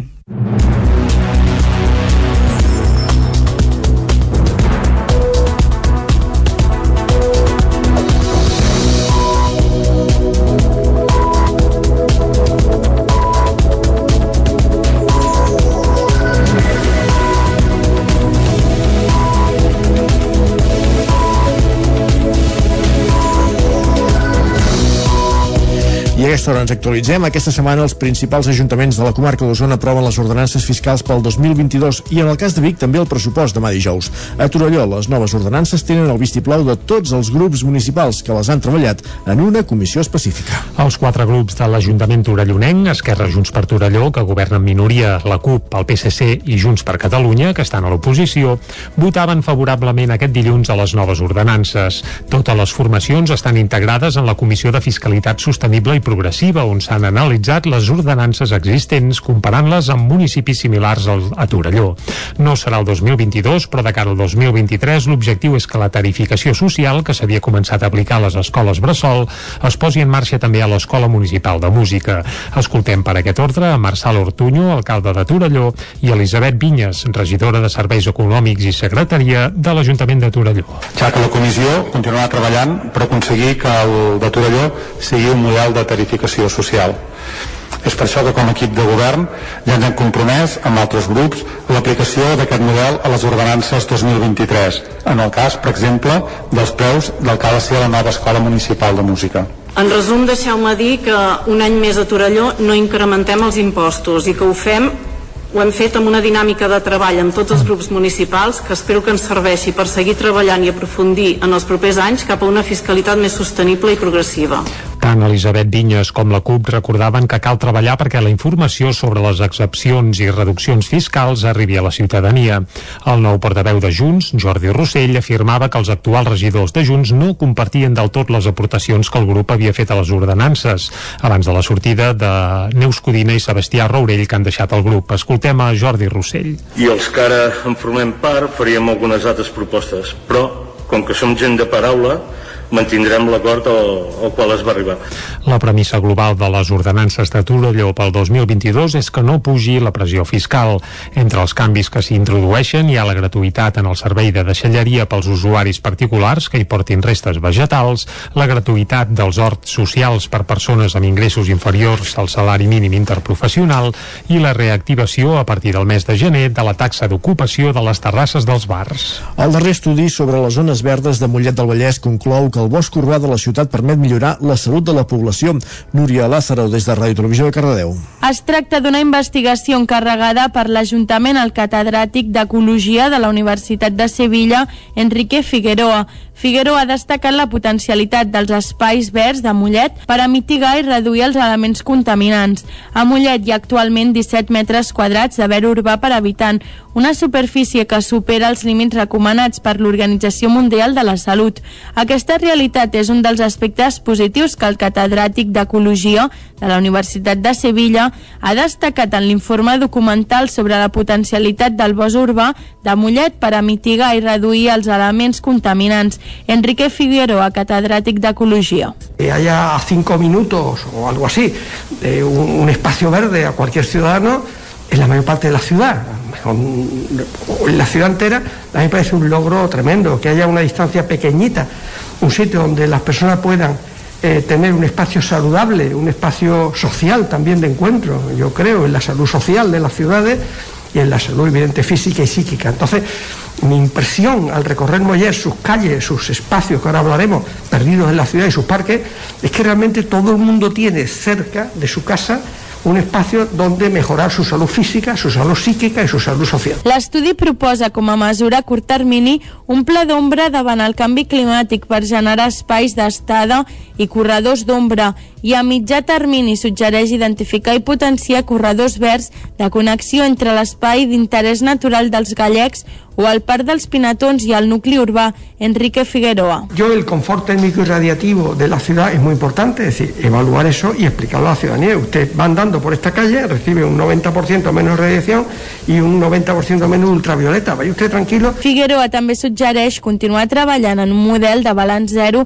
de diòxid de carboni, minimitzant la petjada de carboni i optimitzant els embornals naturals. Un grup de diputats de Junts per Catalunya amb Albert Batet, Joan Canadell, Ramon Tremós i Jordi Monell al capdavant visiten les instal·lacions de Conforça a Can de Bànol. Isaac Muntades des de la veu de Sant Joan. El president del grup parlamentari de Junts per Catalunya, Albert Batet, i els diputats Jordi Monell, també alcalde de Ripoll, Ramon Tremosa, que va ser conseller d'Empresa, Joan Canadell, Glòria Freixa, Judit Toronjo, Ferran Roquer i Salvador Vergés, van visitar el passat divendres al matí al Ripollès per conèixer la realitat del sector industrial de la comarca. La delegació de Junts per Catalunya es va reunir amb els responsables de Conforça, entre els quals hi havia el seu director general, Reca Vidiella. La comercial de la Forja és un referent industrial del Ripollès i es dedica principalment a la siderometal·lúrgica i treballa principalment per al sector de l'automoció. Batet va assegurar que des del Parlament de Catalunya tenen la voluntat d'impulsar mesures que potenciïn el teixit empresarial del país i que cal donar suport a les empreses per tal que reverteixi en la creació de més llocs de treball. Conforça compta amb 350 treballadors de forma directa i genera ocupació indirecta a partir de la contractació de proveïdors de la mateixa comarca, però també en altres de la demarcació per un valor d'uns 80 milions d'euros en els darrers 6 anys. En aquest sentit, l'empresa exporta el 100% de la seva producció a mercats internacionals. Enguany, Conforça ha tornat a generar beneficis un cop superats els efectes negatius de la Covid-19. Els diputats de Junts també van visitar la nau de Conforça 7 i Salvador Vergés va quedar impressionat de veure com els robots manipulaven peces de 100 a 1.200 graus de temperatura acabades de forjar per una mega premsa de 8.000 tones. A més, va reivindicar que el passat de la indústria remunta a l'any 1652, que és de quan daten les primeres escriptures de la Farga de Camp de Bànol. Un cop finalitzada la visita, els diputats de Junts van celebrar una reunió interna de treball a Ripoll. Gràcies, Isaac. Tornem a Tonúria, Cardedeu. L'operatiu policial a Llinars del Vallès assalta amb més de 10 detinguts, quatre dels quals policies locals i entre aquests un caporal en una operació contra el tràfic de marihuana. Núria Lázaro. Segons fons policials, l'organització de què formarien part es dedica al cultiu i al tràfic de drogues i al blanqueig de capitals i els agents haurien ocultat les activitats de la banda. Els Mossos arribaven al matí a les dependències de la policia local on van passar tot el matí amb les persones detingudes. Al voltant de les 3 del migdia, els Mossos d'Esquadra treien a les persones detingudes en un furgó policial. L'Ajuntament realitzava a la tarda una junta de portaveus d'urgència al Teatre Auditori, després d'haver més un comunicat on s'expressava la seva sorpresa per les detencions. Martí Pujol, alcalde de Llenes del Vallès. La veritat és que ens ha sorprès a mi personalment i a més a més en l'inspector de policia que és el que està més a la vora no hi havíem pensat mai que, que, aquesta, que aquestes persones haguessin comès un delicte d'aquesta magnitud diguéssim eh? perquè al final són, són servidors públics i és molt greu això L'operació policial començava cap a les 5 de la matinada i a més de la comissaria també es van fer 28 registres en diversos domicilis de Llinars, Piera i Barcelona. A Llinars es va escorcollar també un bar del polígon industrial de Can Prats i una immobiliària, tots dos com a presumptes negocis pel blanqueig de capitals. El bar és el local on esmorzen de manera habitual els policies locals i d'allà els Mossos d'Esquadra han sortit amb dues caixes. Des de l'Ajuntament s'ha demanat respectar al màxim la presumpció d'innocència de les quatre persones detingudes. Més qüestions. Caldes de Montbui amplia la formació i les accions d'inserció laboral enfocades al jovent. Caral Campàs, des d'Ona Codinenca. De cara al 2022, Caldes ampliarà la formació i assessorament en matèria ocupacional, sobretot la destinada als joves. Aquesta ampliació i reforç dels serveis laborals ve donada per la pandèmia. Maria Morales, orientadora laboral de l'Oficina Jove del Consell Comarcal del, Vallès, del Vallès Oriental, en parla. Normalment tendim sempre a anar a la aquest no és el tall, ara sí sentim a Mireia Morales, orientadora laboral. Ara, després de la pandèmia, o sigui, hi ha un ambient més, un ambient més de desmotivació, no? d'aquesta impotència, frustració, eh, de no saber cap on tirar, de que qualsevol opció és com dolenta, no? perquè el futur és com incert, i està aquesta desmotivació, aleshores. Eh, poden ser consultes de diferents tipologies, però sempre ha estat aquesta vessant de salut mental, de desmotivació. Des del 2019 s'han organitzat més de mig centenar de cursos, tallers i accions formatives a Caldes a través de la Piqueta i l'Espai Jove al Toc amb més de 500 usuaris. En total, David Través, regidor d'Empresa i Treball, subratlla l'evolució que ha experimentat la formació que s'hi ofereix. Estem parlant que estem formant a gent i capacitant a gent en sector logístic, que és el que tenim en gestió de magatzems, en atenció al públic i també en llengua anglesa. I explico el per què. Perquè potser fa anys enrere buscàvem un gestor específic de magatzem i només havia de gestionar el magatzem. Però per la tipologia d'empreses que teníem a, dia d'avui necessitem un gestor de magatzem que pugui ser mosso de magatzem, que pugui fer una compta d'explotació del mateix magatzem i que pugui parlar i interrelacionar-se amb una empresa o amb un camioner, transportista que ve de Bèlgica i per tant haurà de parlar en anglès. Pel que fa a les dades d'usuaris de la Piqueta, la pandèmia les ha disparat. Mentre el 2019 es van atendre directament unes 200 persones, l'any següent la xifra es va més que triplicar i en el que portem de 2021 ja passen de 400. A Montesquieu aquest cap de setmana s'hi ha celebrat la de Fira de la Nou, que arribava a la novena edició i que tornava després de la suspensió de l'any passat a causa de la pandèmia. La mostra, que va incorporar una arrossada al migdia, es va allargar fins ben entrada la tarda. Després d'un any d'absència a causa de la pandèmia, Montesquieu tornava a viure diumenge a la Fira de la Nou. A la parada d'Albert Pineda, un productor de nous de Vilafant, s'hi podia comprar aquest fruit de tardor. Pineda arribava a Montesquieu just després d'haver acabat la collita d'aquest any. Són nous a tipus Califòrnia, són marca Chandler, són molt productives i fa 34 anys que els vaig plantar jo els he conreat jo tota la vida i els aporto jo i els, eh, abans d'ahir vam acabar de collir tot just. I llavors doncs al fer la Fira de la Nou doncs fa, des de que es va començar aquí la Fira de la Nou venim. Fèiem tapes eh, a la mostra hi van prendre part una quarantena de parades de productes artesans, roba, olis o formatges. Com a novetat s'ubicaven en un recorregut més ampli entre el carrer de la Plaçola i la Pèrgola. En aquest últim punt, al migdia s'hi va organitzar una arrossada que substituïa les tapes que havien centrat l'oferta gastronòmica en les últimes edicions. Jaume Romeu és l'alcalde de Montesquieu. Fèiem tapes eh, que es feien amb, amb una mica amb, amb el tema doncs, d'això de la nou, però vam considerar de fer algun canvi perquè la gent pogués participar i que es poguessin quedar aquí a dinar, gent tant dels d'aquí del poble com gent de fora, i doncs així emplenar una mica més el, el, tot el dia de la Fira de la Nou. La programació de la novena Fira de la Nou de Montesquieu, que es va allargar fins a les 7 de la tarda, també va incloure inflables, un concert de música popular i animació al carrer. Aficionats de les aventures de Tintín van participar diumenge a la setzena trobada tintinaire de Catalunya que es va fer a la plaça Major de Vic. Els grans protagonistes de la jornada van ser el mític personatge d'Hergé i el capità Haddock, però també Pilarín Vallès, que va exercir el paper de pregonera. Tintín i el capità Haddock van ser els grans protagonistes de la setzena trobada tintinaire de Catalunya que l'Associació Catalana de Tintinaires, MILU, va organitzar diumenge a la plaça Major de Vic. Creada l'any 2004, actualment és la tercera entitat del món dedicada al còmic d'Hergé amb més nombre d'associacions associats, un fet que el seu president, Jordi Duc, atribueix a la incidència de Tintín a Catalunya des que l'any 1964 l'editorial Joventut va començar a traduir els llibres en català. I a l'any 64, Joaquim Ventalló, que era un terrassenc, eh, que havia viscut exiliat a França per les seves idees polítiques, era, era un home catalanista, doncs eh, ja ha tornat a, a Barcelona i s'ofereix a l'editorial Joventut per traduir les aventures de Tintín fins i tot diu gratuïtament per, fer un, per fomentar la lectura de, de Tintín al català. I això va tenir un gran pes a la nostra generació que quan anàvem a l'escola ens costava tenir material en català en el paper de pregonera, Pilarín Vallès va parlar de Tintín, un personatge que va conèixer quan tot just començava a dibuixar. Tant la, tant la ninotaire com Duc van coincidir en que la figura de Tintín va marcar dues generacions, però que actualment no enganxa gaire els joves lectors. El que sí que va tenir molt èxit va ser el merchandise, el merchandising, volem dir, Tintinaire. A les parades que diumenge hi havia a la plaça Major s'hi podien trobar des de targetes amb el títol de cònsul honorari de Sildàvia fins a licors o els llibres del mític personatge d'Hergé. Durant tot el matí també hi va haver jocs i tallers infantils. Gràcies, Jordi, que aquí aquest repàs informatiu que hem fet també en companyia de Caral Campàs, Núria Lázaro i Isaac Muntades. Anem tot seguit al territori sostenible.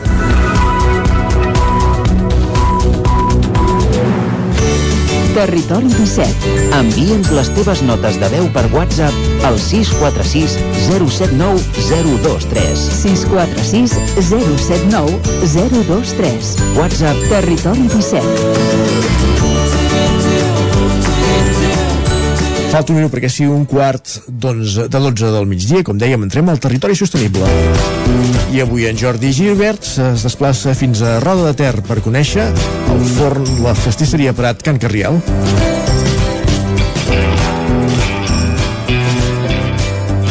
Avui ens hem acostat fins a Roda de Ter perquè volíem parlar de croissants. Concretament volíem conèixer un dels millors croissants del país.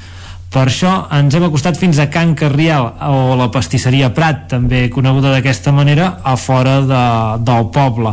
Uh, parlarem amb en Gil, que és la quarta generació de pastissers de Can Carrial, que el tinc ja amb nosaltres. Hola Gil, com estàs? Bé, molt bé, gràcies. Uh, Gil, uh, jo havia treballat uh, un temps a, a Roda i, i sempre em comenten tenim el millor croissant del món, tenim el millor croissant de Catalunya, el millor croissant d'Espanya. Exactament quin, quin premi veu guanyar? Perquè a Roda sempre m'ho exageren molt.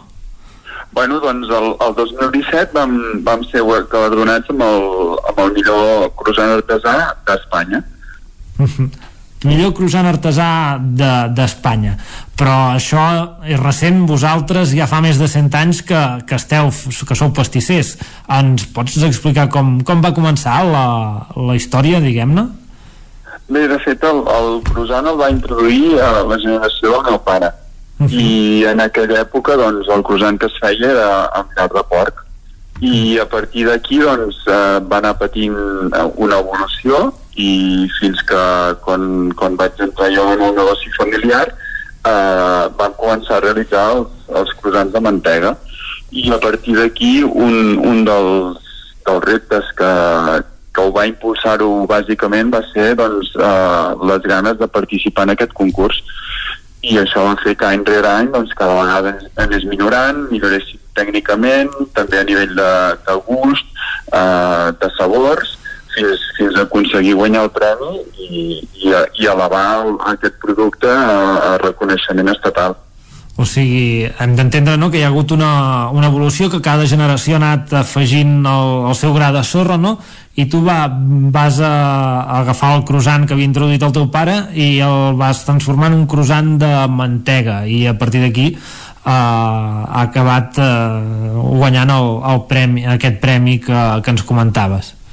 Sí, al, al final és això, quan, quan tu et eh, prepares per, per aquest concurs, eh, encara que no vulguis, el teu dia a dia millora exponencialment eh, perquè estàs fent mm, proves constants, eh, estàs afinant molt el procés de, de, de fabricació, les matèries primeres que utilitzes, eh, t'estàs formant constantment, eh, t'envoltes dels millors, aprens dels millors i això es tradueix que el, el teu producte diari doncs, doncs evolucioni molt positivament.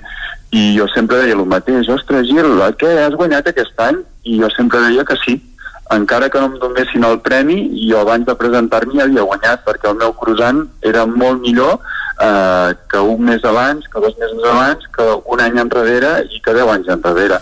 O sigui que ja només el fet de, de la millora que experimentava eh, ja era com guanyar. Uh -huh.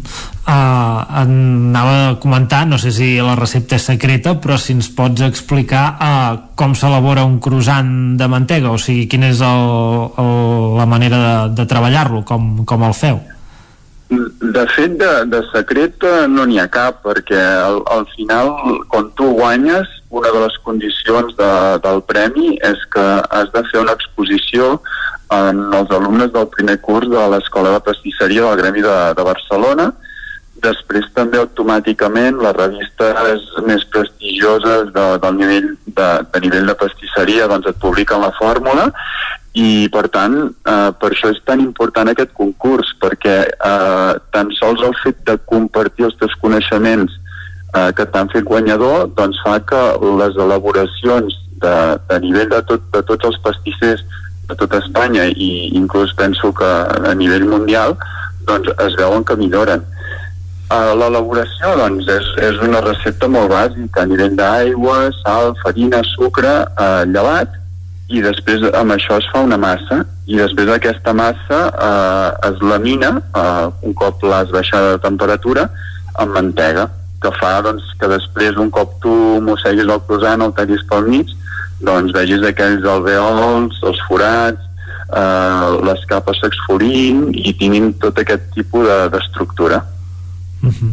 Anava a preguntar sobre aquestes matèries primeres que, que tens, són de proximitat, són, on les aconsegueixes? Uh, la farina doncs, és, és d'aquí Vic, uh, de farina Zilla, després uh, el sal, la sucre, uh, intentem tot que sigui de, de proximitat. Uh, al, al final, aquí a la comarca doncs, tenim molts bons productes i tots ells ens, ens ajuden a tenir un, un molt bon resultat. Uh -huh.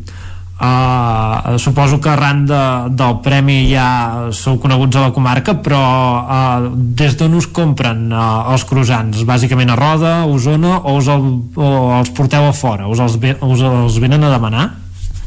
Uh, bueno, uh, quan, just quan vam acabar de rebre el premi ens venien comandes de tot arreu. Ara ja uh, la cosa, en el moment que deixes d'estar en, en el davantal o, o en la capçalera de, de la, del món públic, la cosa baixa i realment on tu tens la clientela és a la comarca d'Osona i, i els pobles del, del voltant.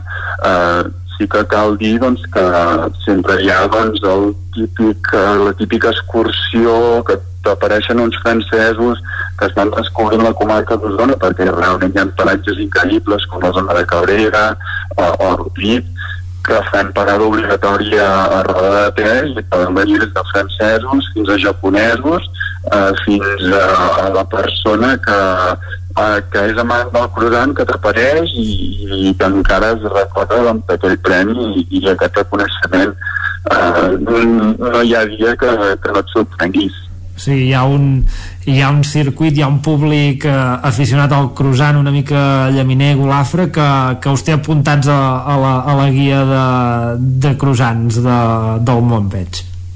Sí, i, bàsicament perquè això, jo sempre he dit el mateix, eh, el 2017 em van donar el premi, però és un premi que l'has de defensar dia a dia.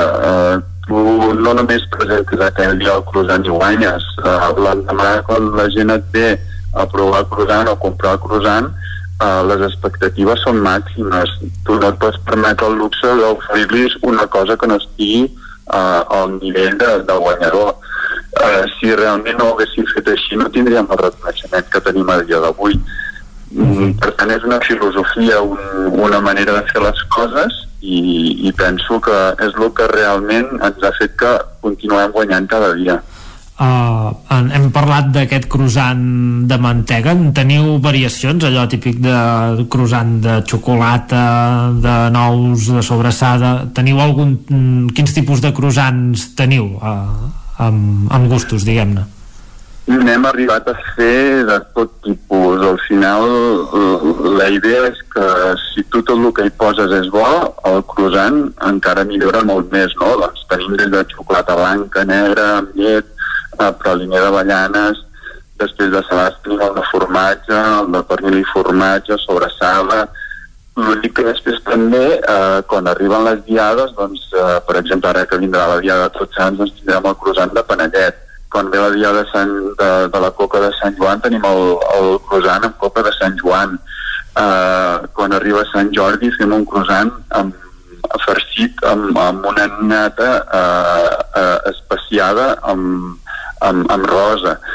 O sigui, sempre intentem doncs, que a cada època de l'any doncs, el croissant evolucioni i tingui un, un croissant eh, adient per l'època. Quan arriba l'època de les coques de llardons tenim el croissant de coca de llardó. Eh, I a partir d'aquí, eh, si se'ns acudeix alguna cosa, doncs la introduïm i sempre per, per tenir doncs, una cosa diferent, una cosa més autèntica i, i que no puguis trobar en, en altres llocs. Ens comentaves eh, que vau participar al concurs del 2017. Seguiu participant en concursos? Eh, seguiu presentant els croissants o els diferents productes que, que feu a la pastisseria?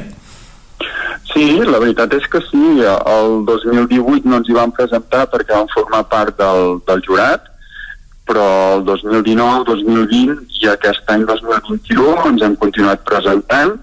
Uh, sempre és, uh, i, i ara ja és com una festa, et la trobes amb, amb companys de professió, uh, serveix també per, per revisar tot el, el tema de, de producció i, i aconsegueixes, de, independentment del resultat, que el teu croissant torni a millorar. I sí, sí, a nivell del croissant ens hem presentat, eh, ja portem també 4 anys presentant-nos amb el campionat d'Espanya de, del Panetone. Uh, aquest any per primera vegada també ens hem presentat el de Panetone de xocolata i quan s'ha elaborat el millor xuxo del món, uh, aquest campionat ens hi hem presentat. O sigui, si s'ha celebrat, em sembla, un parell d'edicions, doncs hi hem participat. Bàsicament, ah, i també el, el de la pasta de te. El de la millor pasta de te d'Espanya, doncs ja portem dues o tres edicions i, i estem molt contents perquè les receptes també s'han publicat en un llibre. O sigui que una mica tor torna a ser aquesta filosofia de no, no participar tant com amb l'afany de, de guanyar, que també, però, però potser perquè t'ajuda a millorar, a estar al dia, a, a tenir un producte de molt alt nivell i, i sobretot això, evolucionar, evolucionar, evolucionar i oferir un millor producte a tots els teus clients doncs estarem al cas si guanyem un premi si nosaltres també tindrem una excusa per venir a provar el Panetone o, o alguna altra de, de les vostres creacions que, que teniu aquí a Can Carriel. Doncs moltíssimes gràcies, us esperem i ja han dit que sereu molt benvinguts i si us podem eh, sorprendre amb algun altre títol us ho farem saber doncs moltes gràcies, Gil. Nosaltres ens despedim i us deixem amb els companys del Territori 17 que seguiran explicant l'actualitat dels nostres pobles i comarques. Gràcies, doncs, també a Jordi Givert i, i evidentment a Gil Prat de, de, de Can Prat, Can Carriel de, de Roda de Ter per parlar-nos de croissants, de panetones i de tot el que produeixen en aquesta pastisseria usonenca. Un apunt de servei abans de la pausa publicitària i és que hi ha un carril tallat de la C-17 en sentit sud a l'altura de Balanyà a causa d'un accident entre una furgoneta i un camió. Hi ha, com dèiem, un carril tallat i els equips d'auxili treballant al punt de, de l'accident.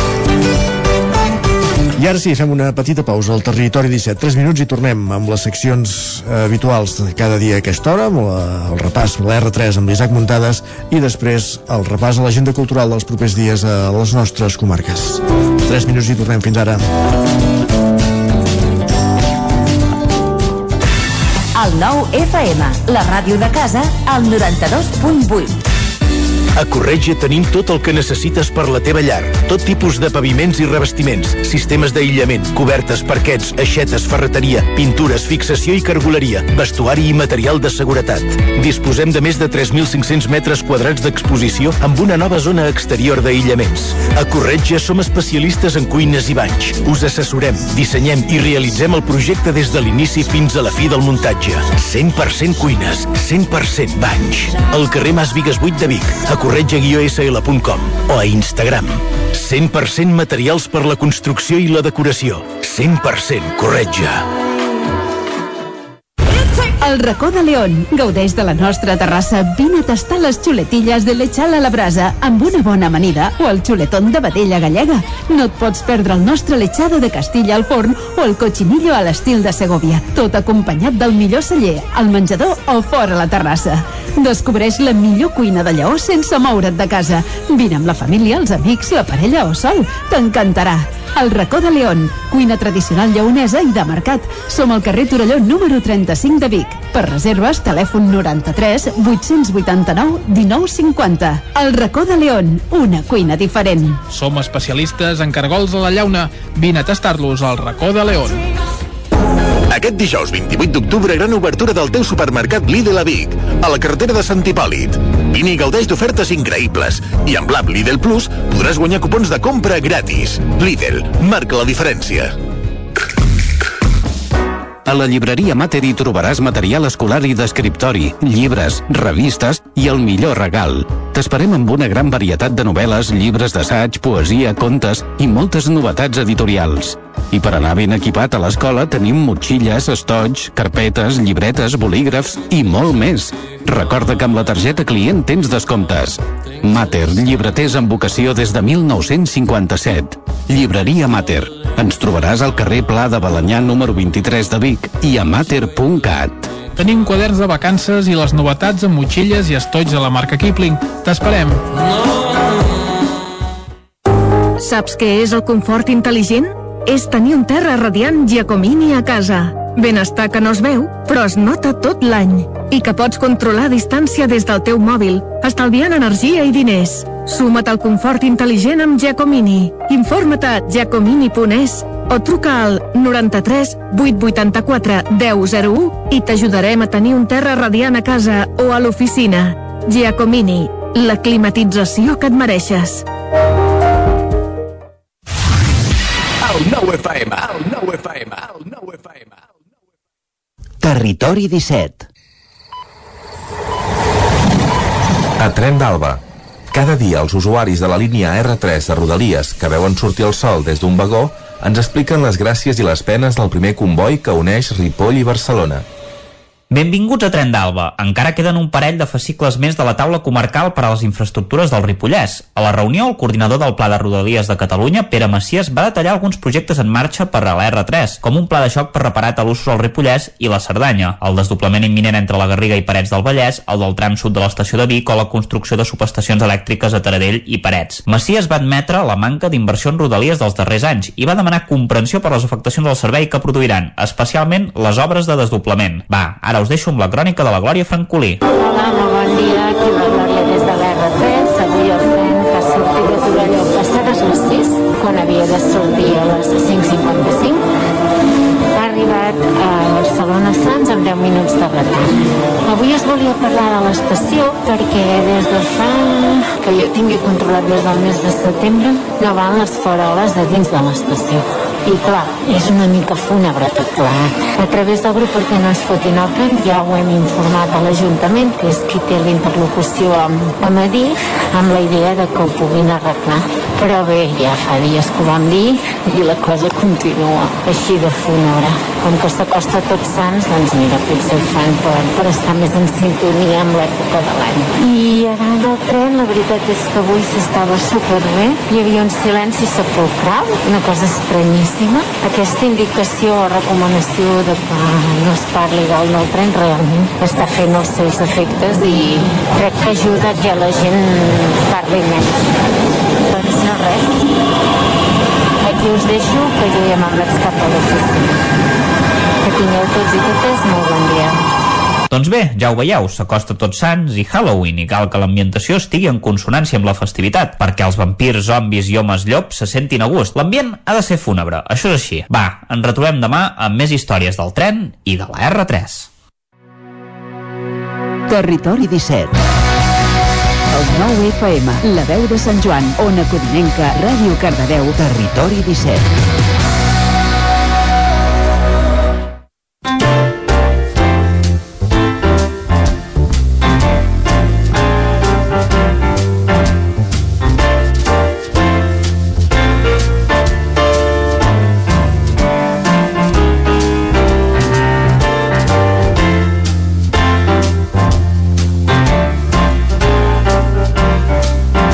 Tres minuts passen de dos quarts de 12, recta final al territori 17 d'aquest dimecres 27 d'octubre de 2021 i tot seguit per repassar el més destacat de les agendes culturals de, dels nostre, del nostre entorn i ho fem connectant amb les redaccions que fan possible cada dia aquest programa. Comencem per la de Ràdio Cardedeu amb l'Òscar Muñoz. Bon dia, Òscar.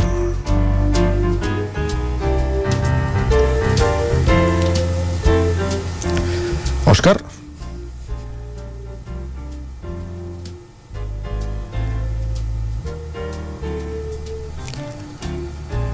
No tenim l'Òscar Muñoz a punt per repassar, com dèiem, l'agenda cultural pels propers dies del territori 17.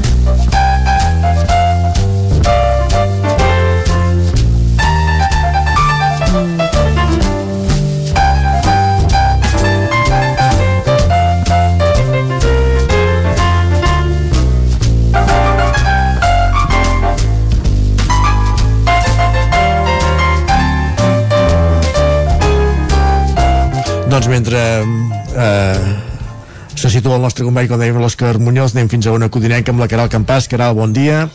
Hola, bon dia. Doncs per repassar una mica l'agenda d'actes els propers dies aquí a l'entorn de, de Vigues, de Caldes, de, de Sant Feliu i del Moianès.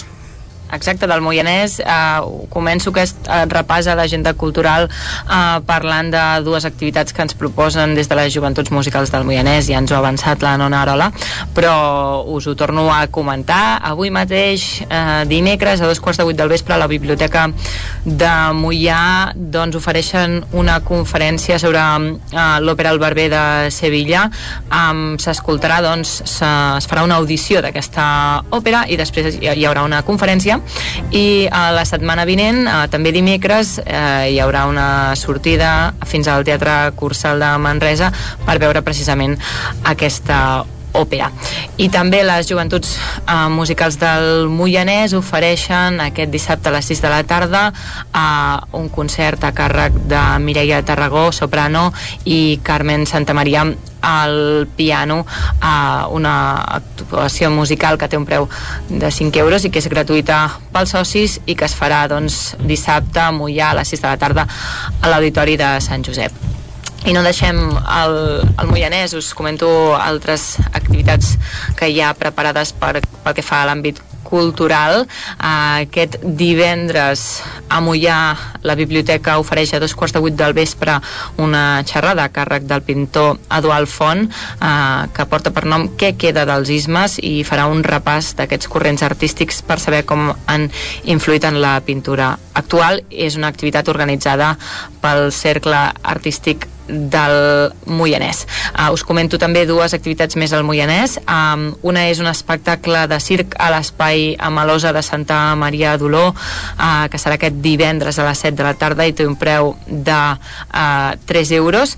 I l'altre és, ja me'n vaig cap al, al dia 1, uh, que és festiu, doncs uh, us comento que hi ha un concert de música clàssica i moderna a Monistrol de Calders, um, so, a càrrec de Bernat, Antoni i Guillem, que són intèrprets professionals de violoncel, violí, oboè i piano, amb estudis superiors cursats a l'Escola Superior de Música de Catalunya, l'ESMUC, eh, doncs que oferiran una actuació, eh, un concert de música clàssica i moderna aquest dia 1 de novembre. El cementiri municipal serà de dos quarts d'onze del matí a dos eh, quarts de dues del migdia.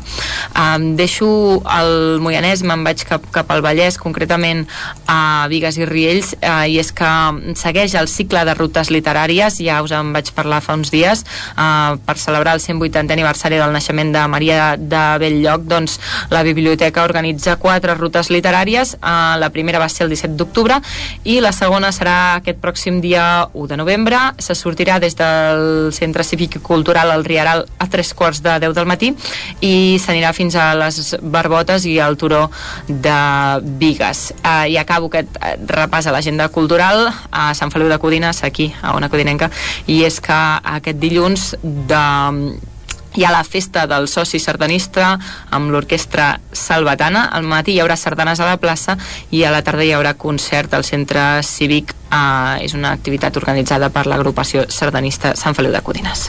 Perfecte, doncs déu nhi el repertori que tenim. Moltes gràcies, Caral. A vosaltres. I ara sí, provem de tornar eh, si a millorar la comunicació amb Cardedeu, amb l'Òscar Muñoz, des de Ràdio Televisió de Cardedeu. Bon dia, Òscar. Bon dia, Ara sí, que ets perfectament. Ara sí. Bé. doncs sí.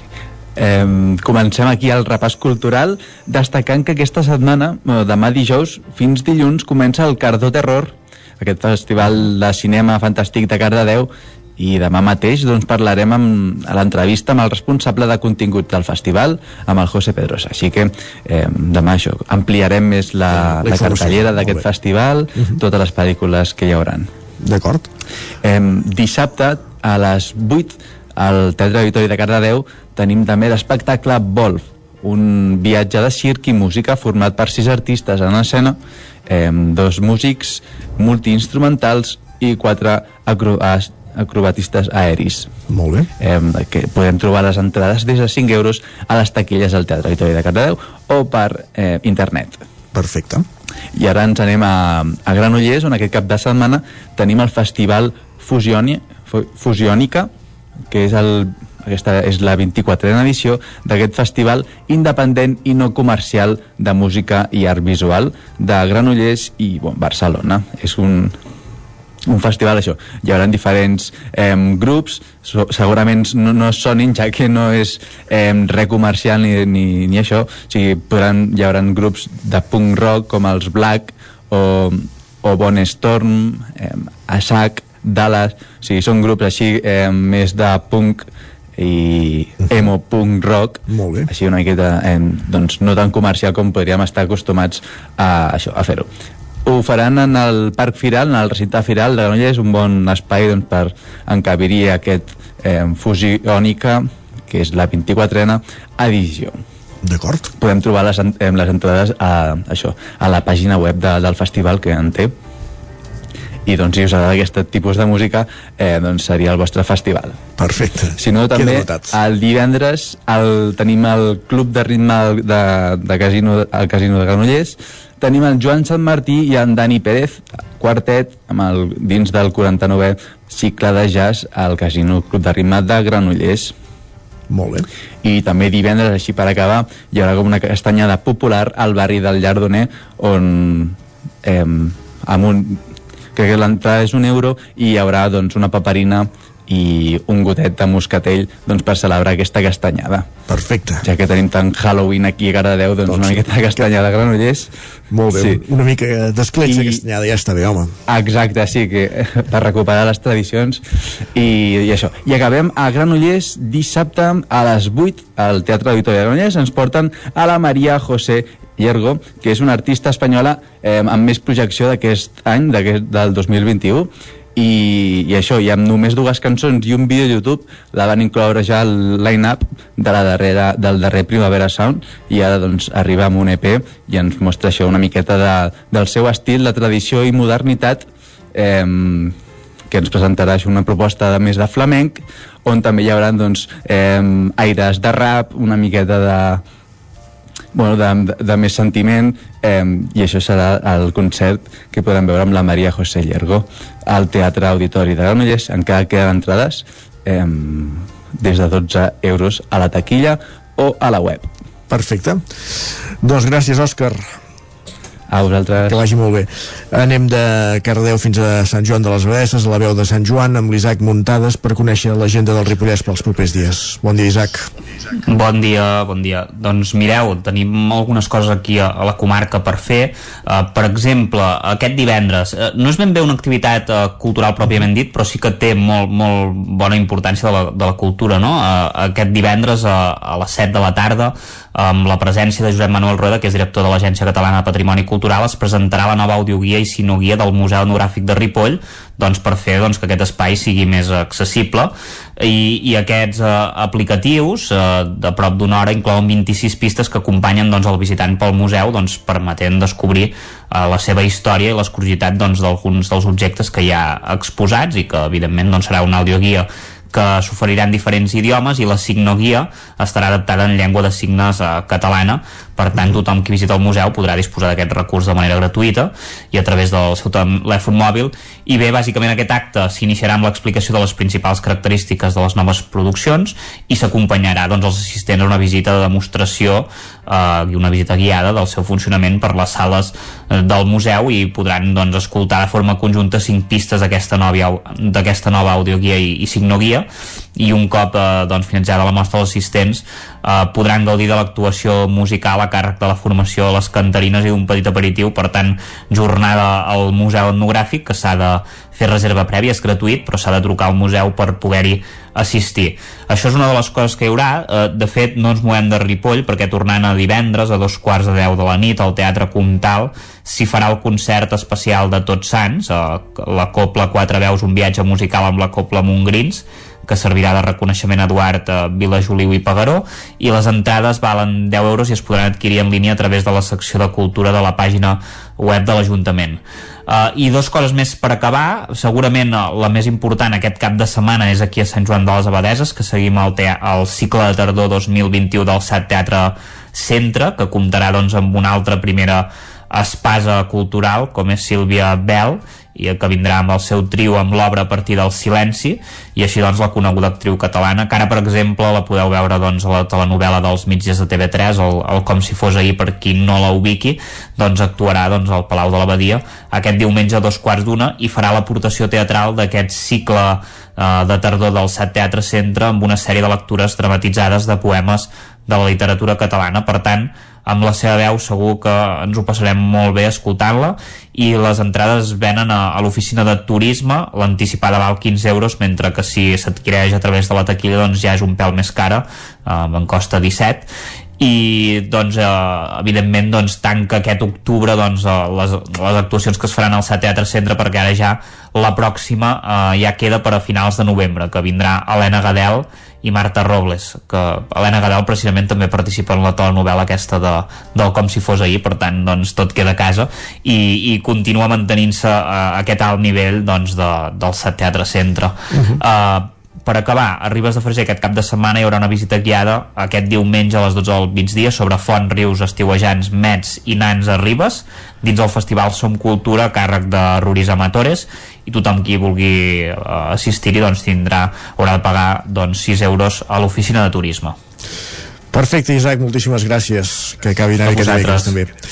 Uh, I de la veu de Sant Joan anem fins a, a, al 9 FM, parlem però avui via telefònica amb en Jordi Vilarrodà per conèixer una mica els detalls de, de l'agenda cultural a Osona també aquests propers dies, el cap de setmana, previ a la castanyada, etc etc etc. Jordi, bon dia.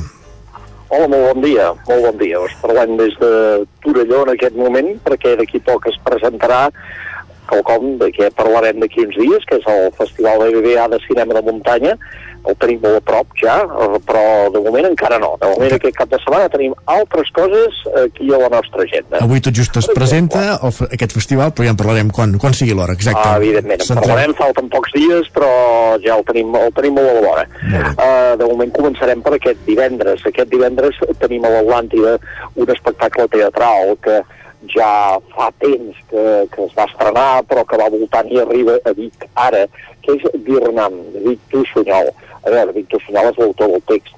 Eh, és una obra que va néixer com a obra narrativa que després va passar a una versió teatral que protagonitza l'actor Lluís Soler, un monòleg, de fet és què és Vietnam? Vietnam és, eh, parla d'un actor que ja és gran, eh, que està a punt de sortir a l'escena per representar el paper del rei Duncan de, de Macbeth, una de les grans tragèdies de Shakespeare i aquesta persona és Lluís Soler, eh, i en aquell moment aquest actor li comença a venir doncs, dubtes sobre, sobre la seva feina, sobre la seva feina d'actor, sobre de què serveix el teatre, sobre el, el valor de la paraula, eh, eh, és a dir, qüestionant-se d'alguna manera que li, que li arriben tots els, els seus fantasmes, per entendre'ns, no?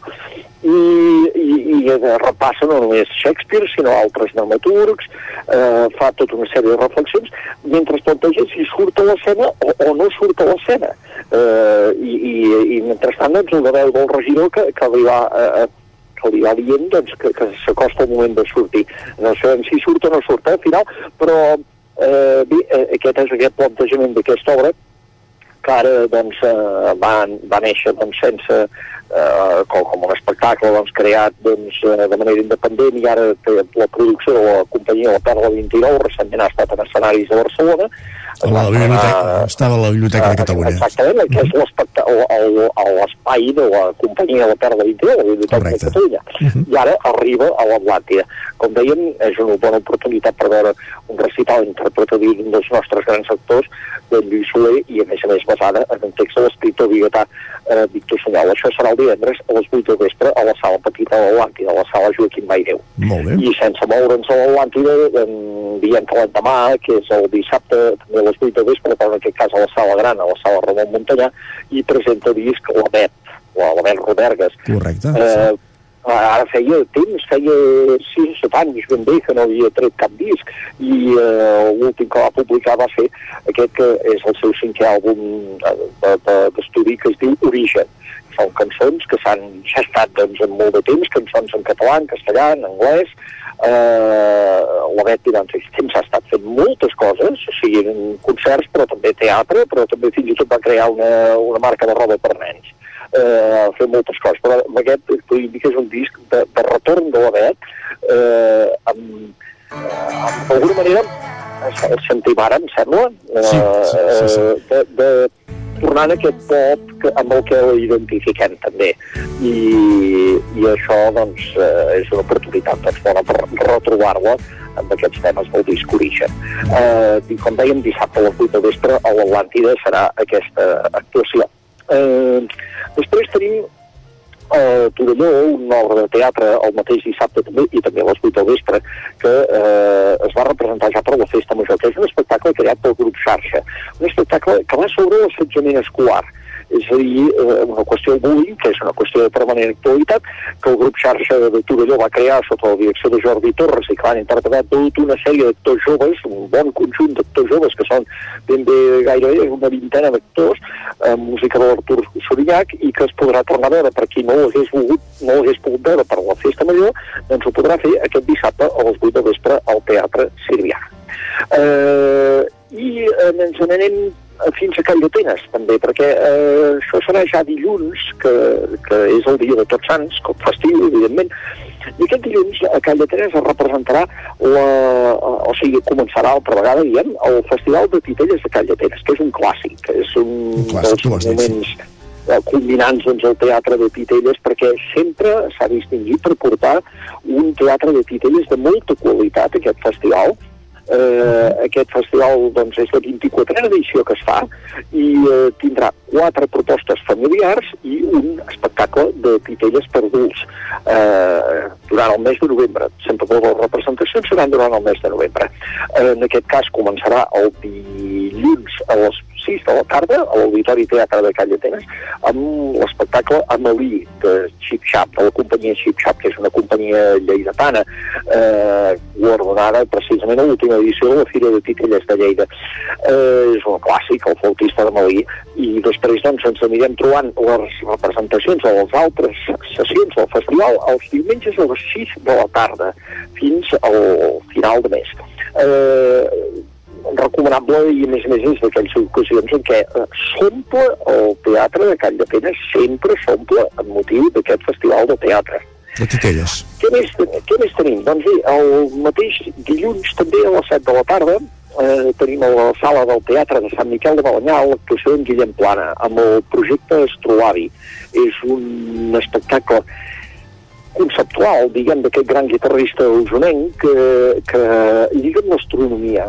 No s'ha fet moltes vegades, és un tipus de música que, que, que, que evidentment doncs, qui vagi veurà la, la, la gran qualitat que té Guillem Plana, i, i, però potser, esclar, no és d'aquesta, és, és més de festivals, d'escenaris petits, no hi ha hagut gaire ocasió de poder-la representar més més durant aquests temps de la pandèmia, i és molt recomanable. De fet, l'última vegada que va poder veure un, un servidor va ser el Festival de Jazz de Vic de l'any passat, que també es va fer així entremig de, de, dels moments crítics de la tardor, de la pandèmia, i eh, és molt, molt, molt recomanable veure en Guillem Plana en projecte Astroari, que és un, com un viatge còsmic a través de la seva música, un viatge doncs, eh, que, que, que segur que agradarà a molta gent.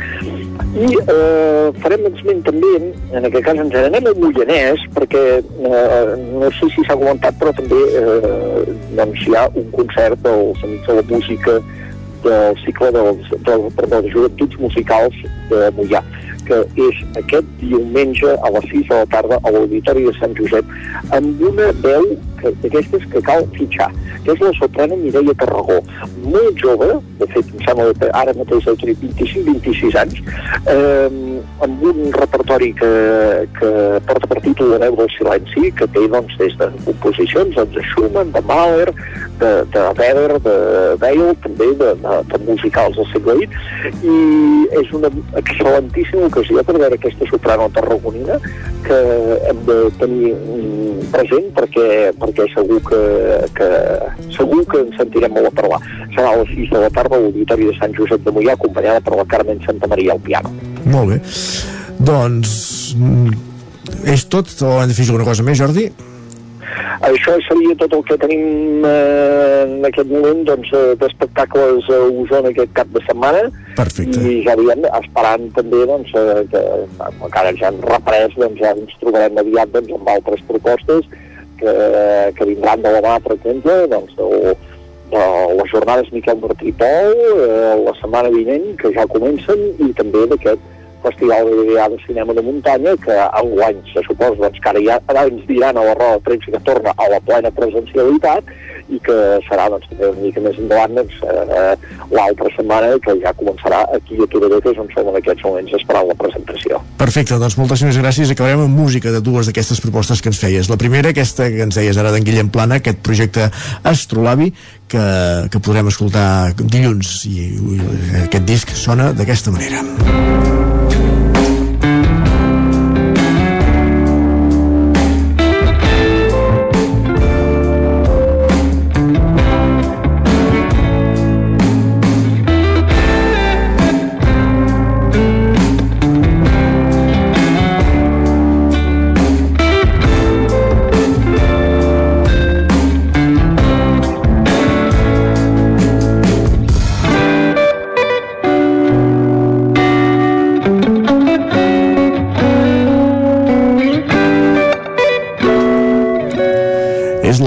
De, de Guillem Plana, del guitarrista usonenc Guillem Plana, amb aquest projecte en solitari, el projecte Astrolabi, una de les propostes culturals que ens comentava en Jordi Vilarrodà per, per aquests propers dies, i l'altre aquest concert que farà la Bet dissabte a l'Atlàntida de Vic.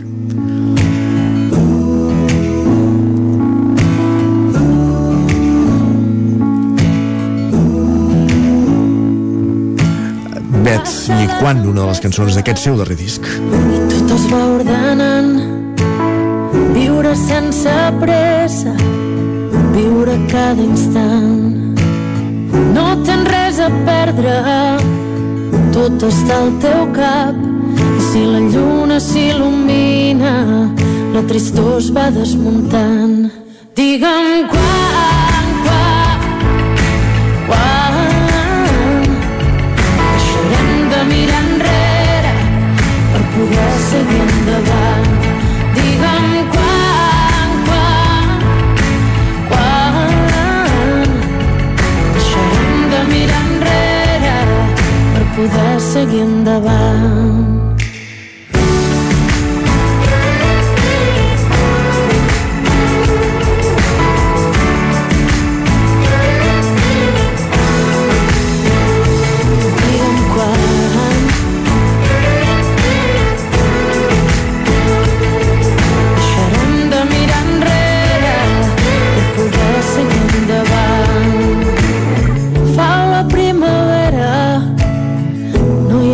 constant. Sent com s'accelera i com va bategant. Deixa anar les armes, s'acaba el combat. La llum d'un nou dia a les teves mans. Digue'm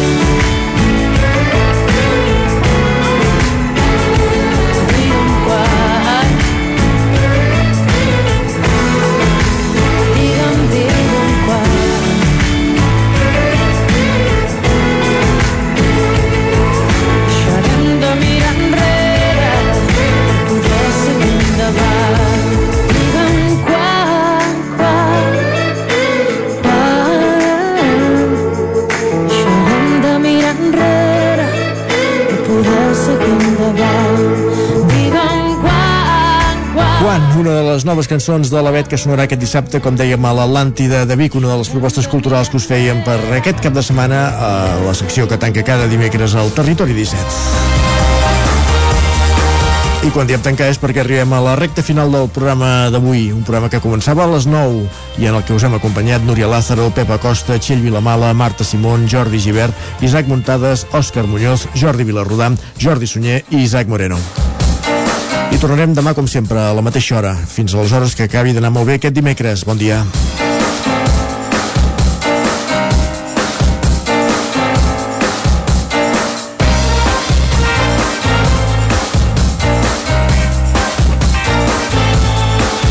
Territori 17, un magazín del nou FM. La veu de Sant Joan, Ona Codinenca i Ràdio Cardedeu amb el suport de la xarxa.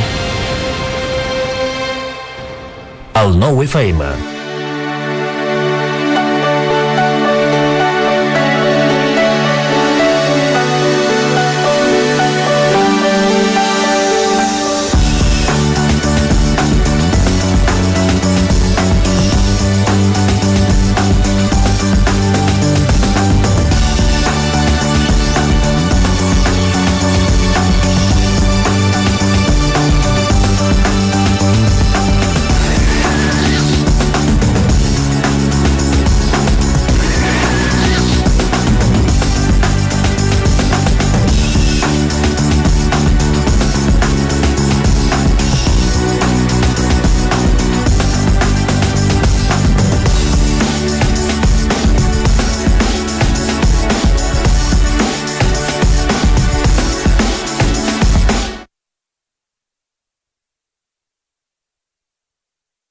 El nou FM, la ràdio d'Osona. És l'hora del racó de León, restaurant bar.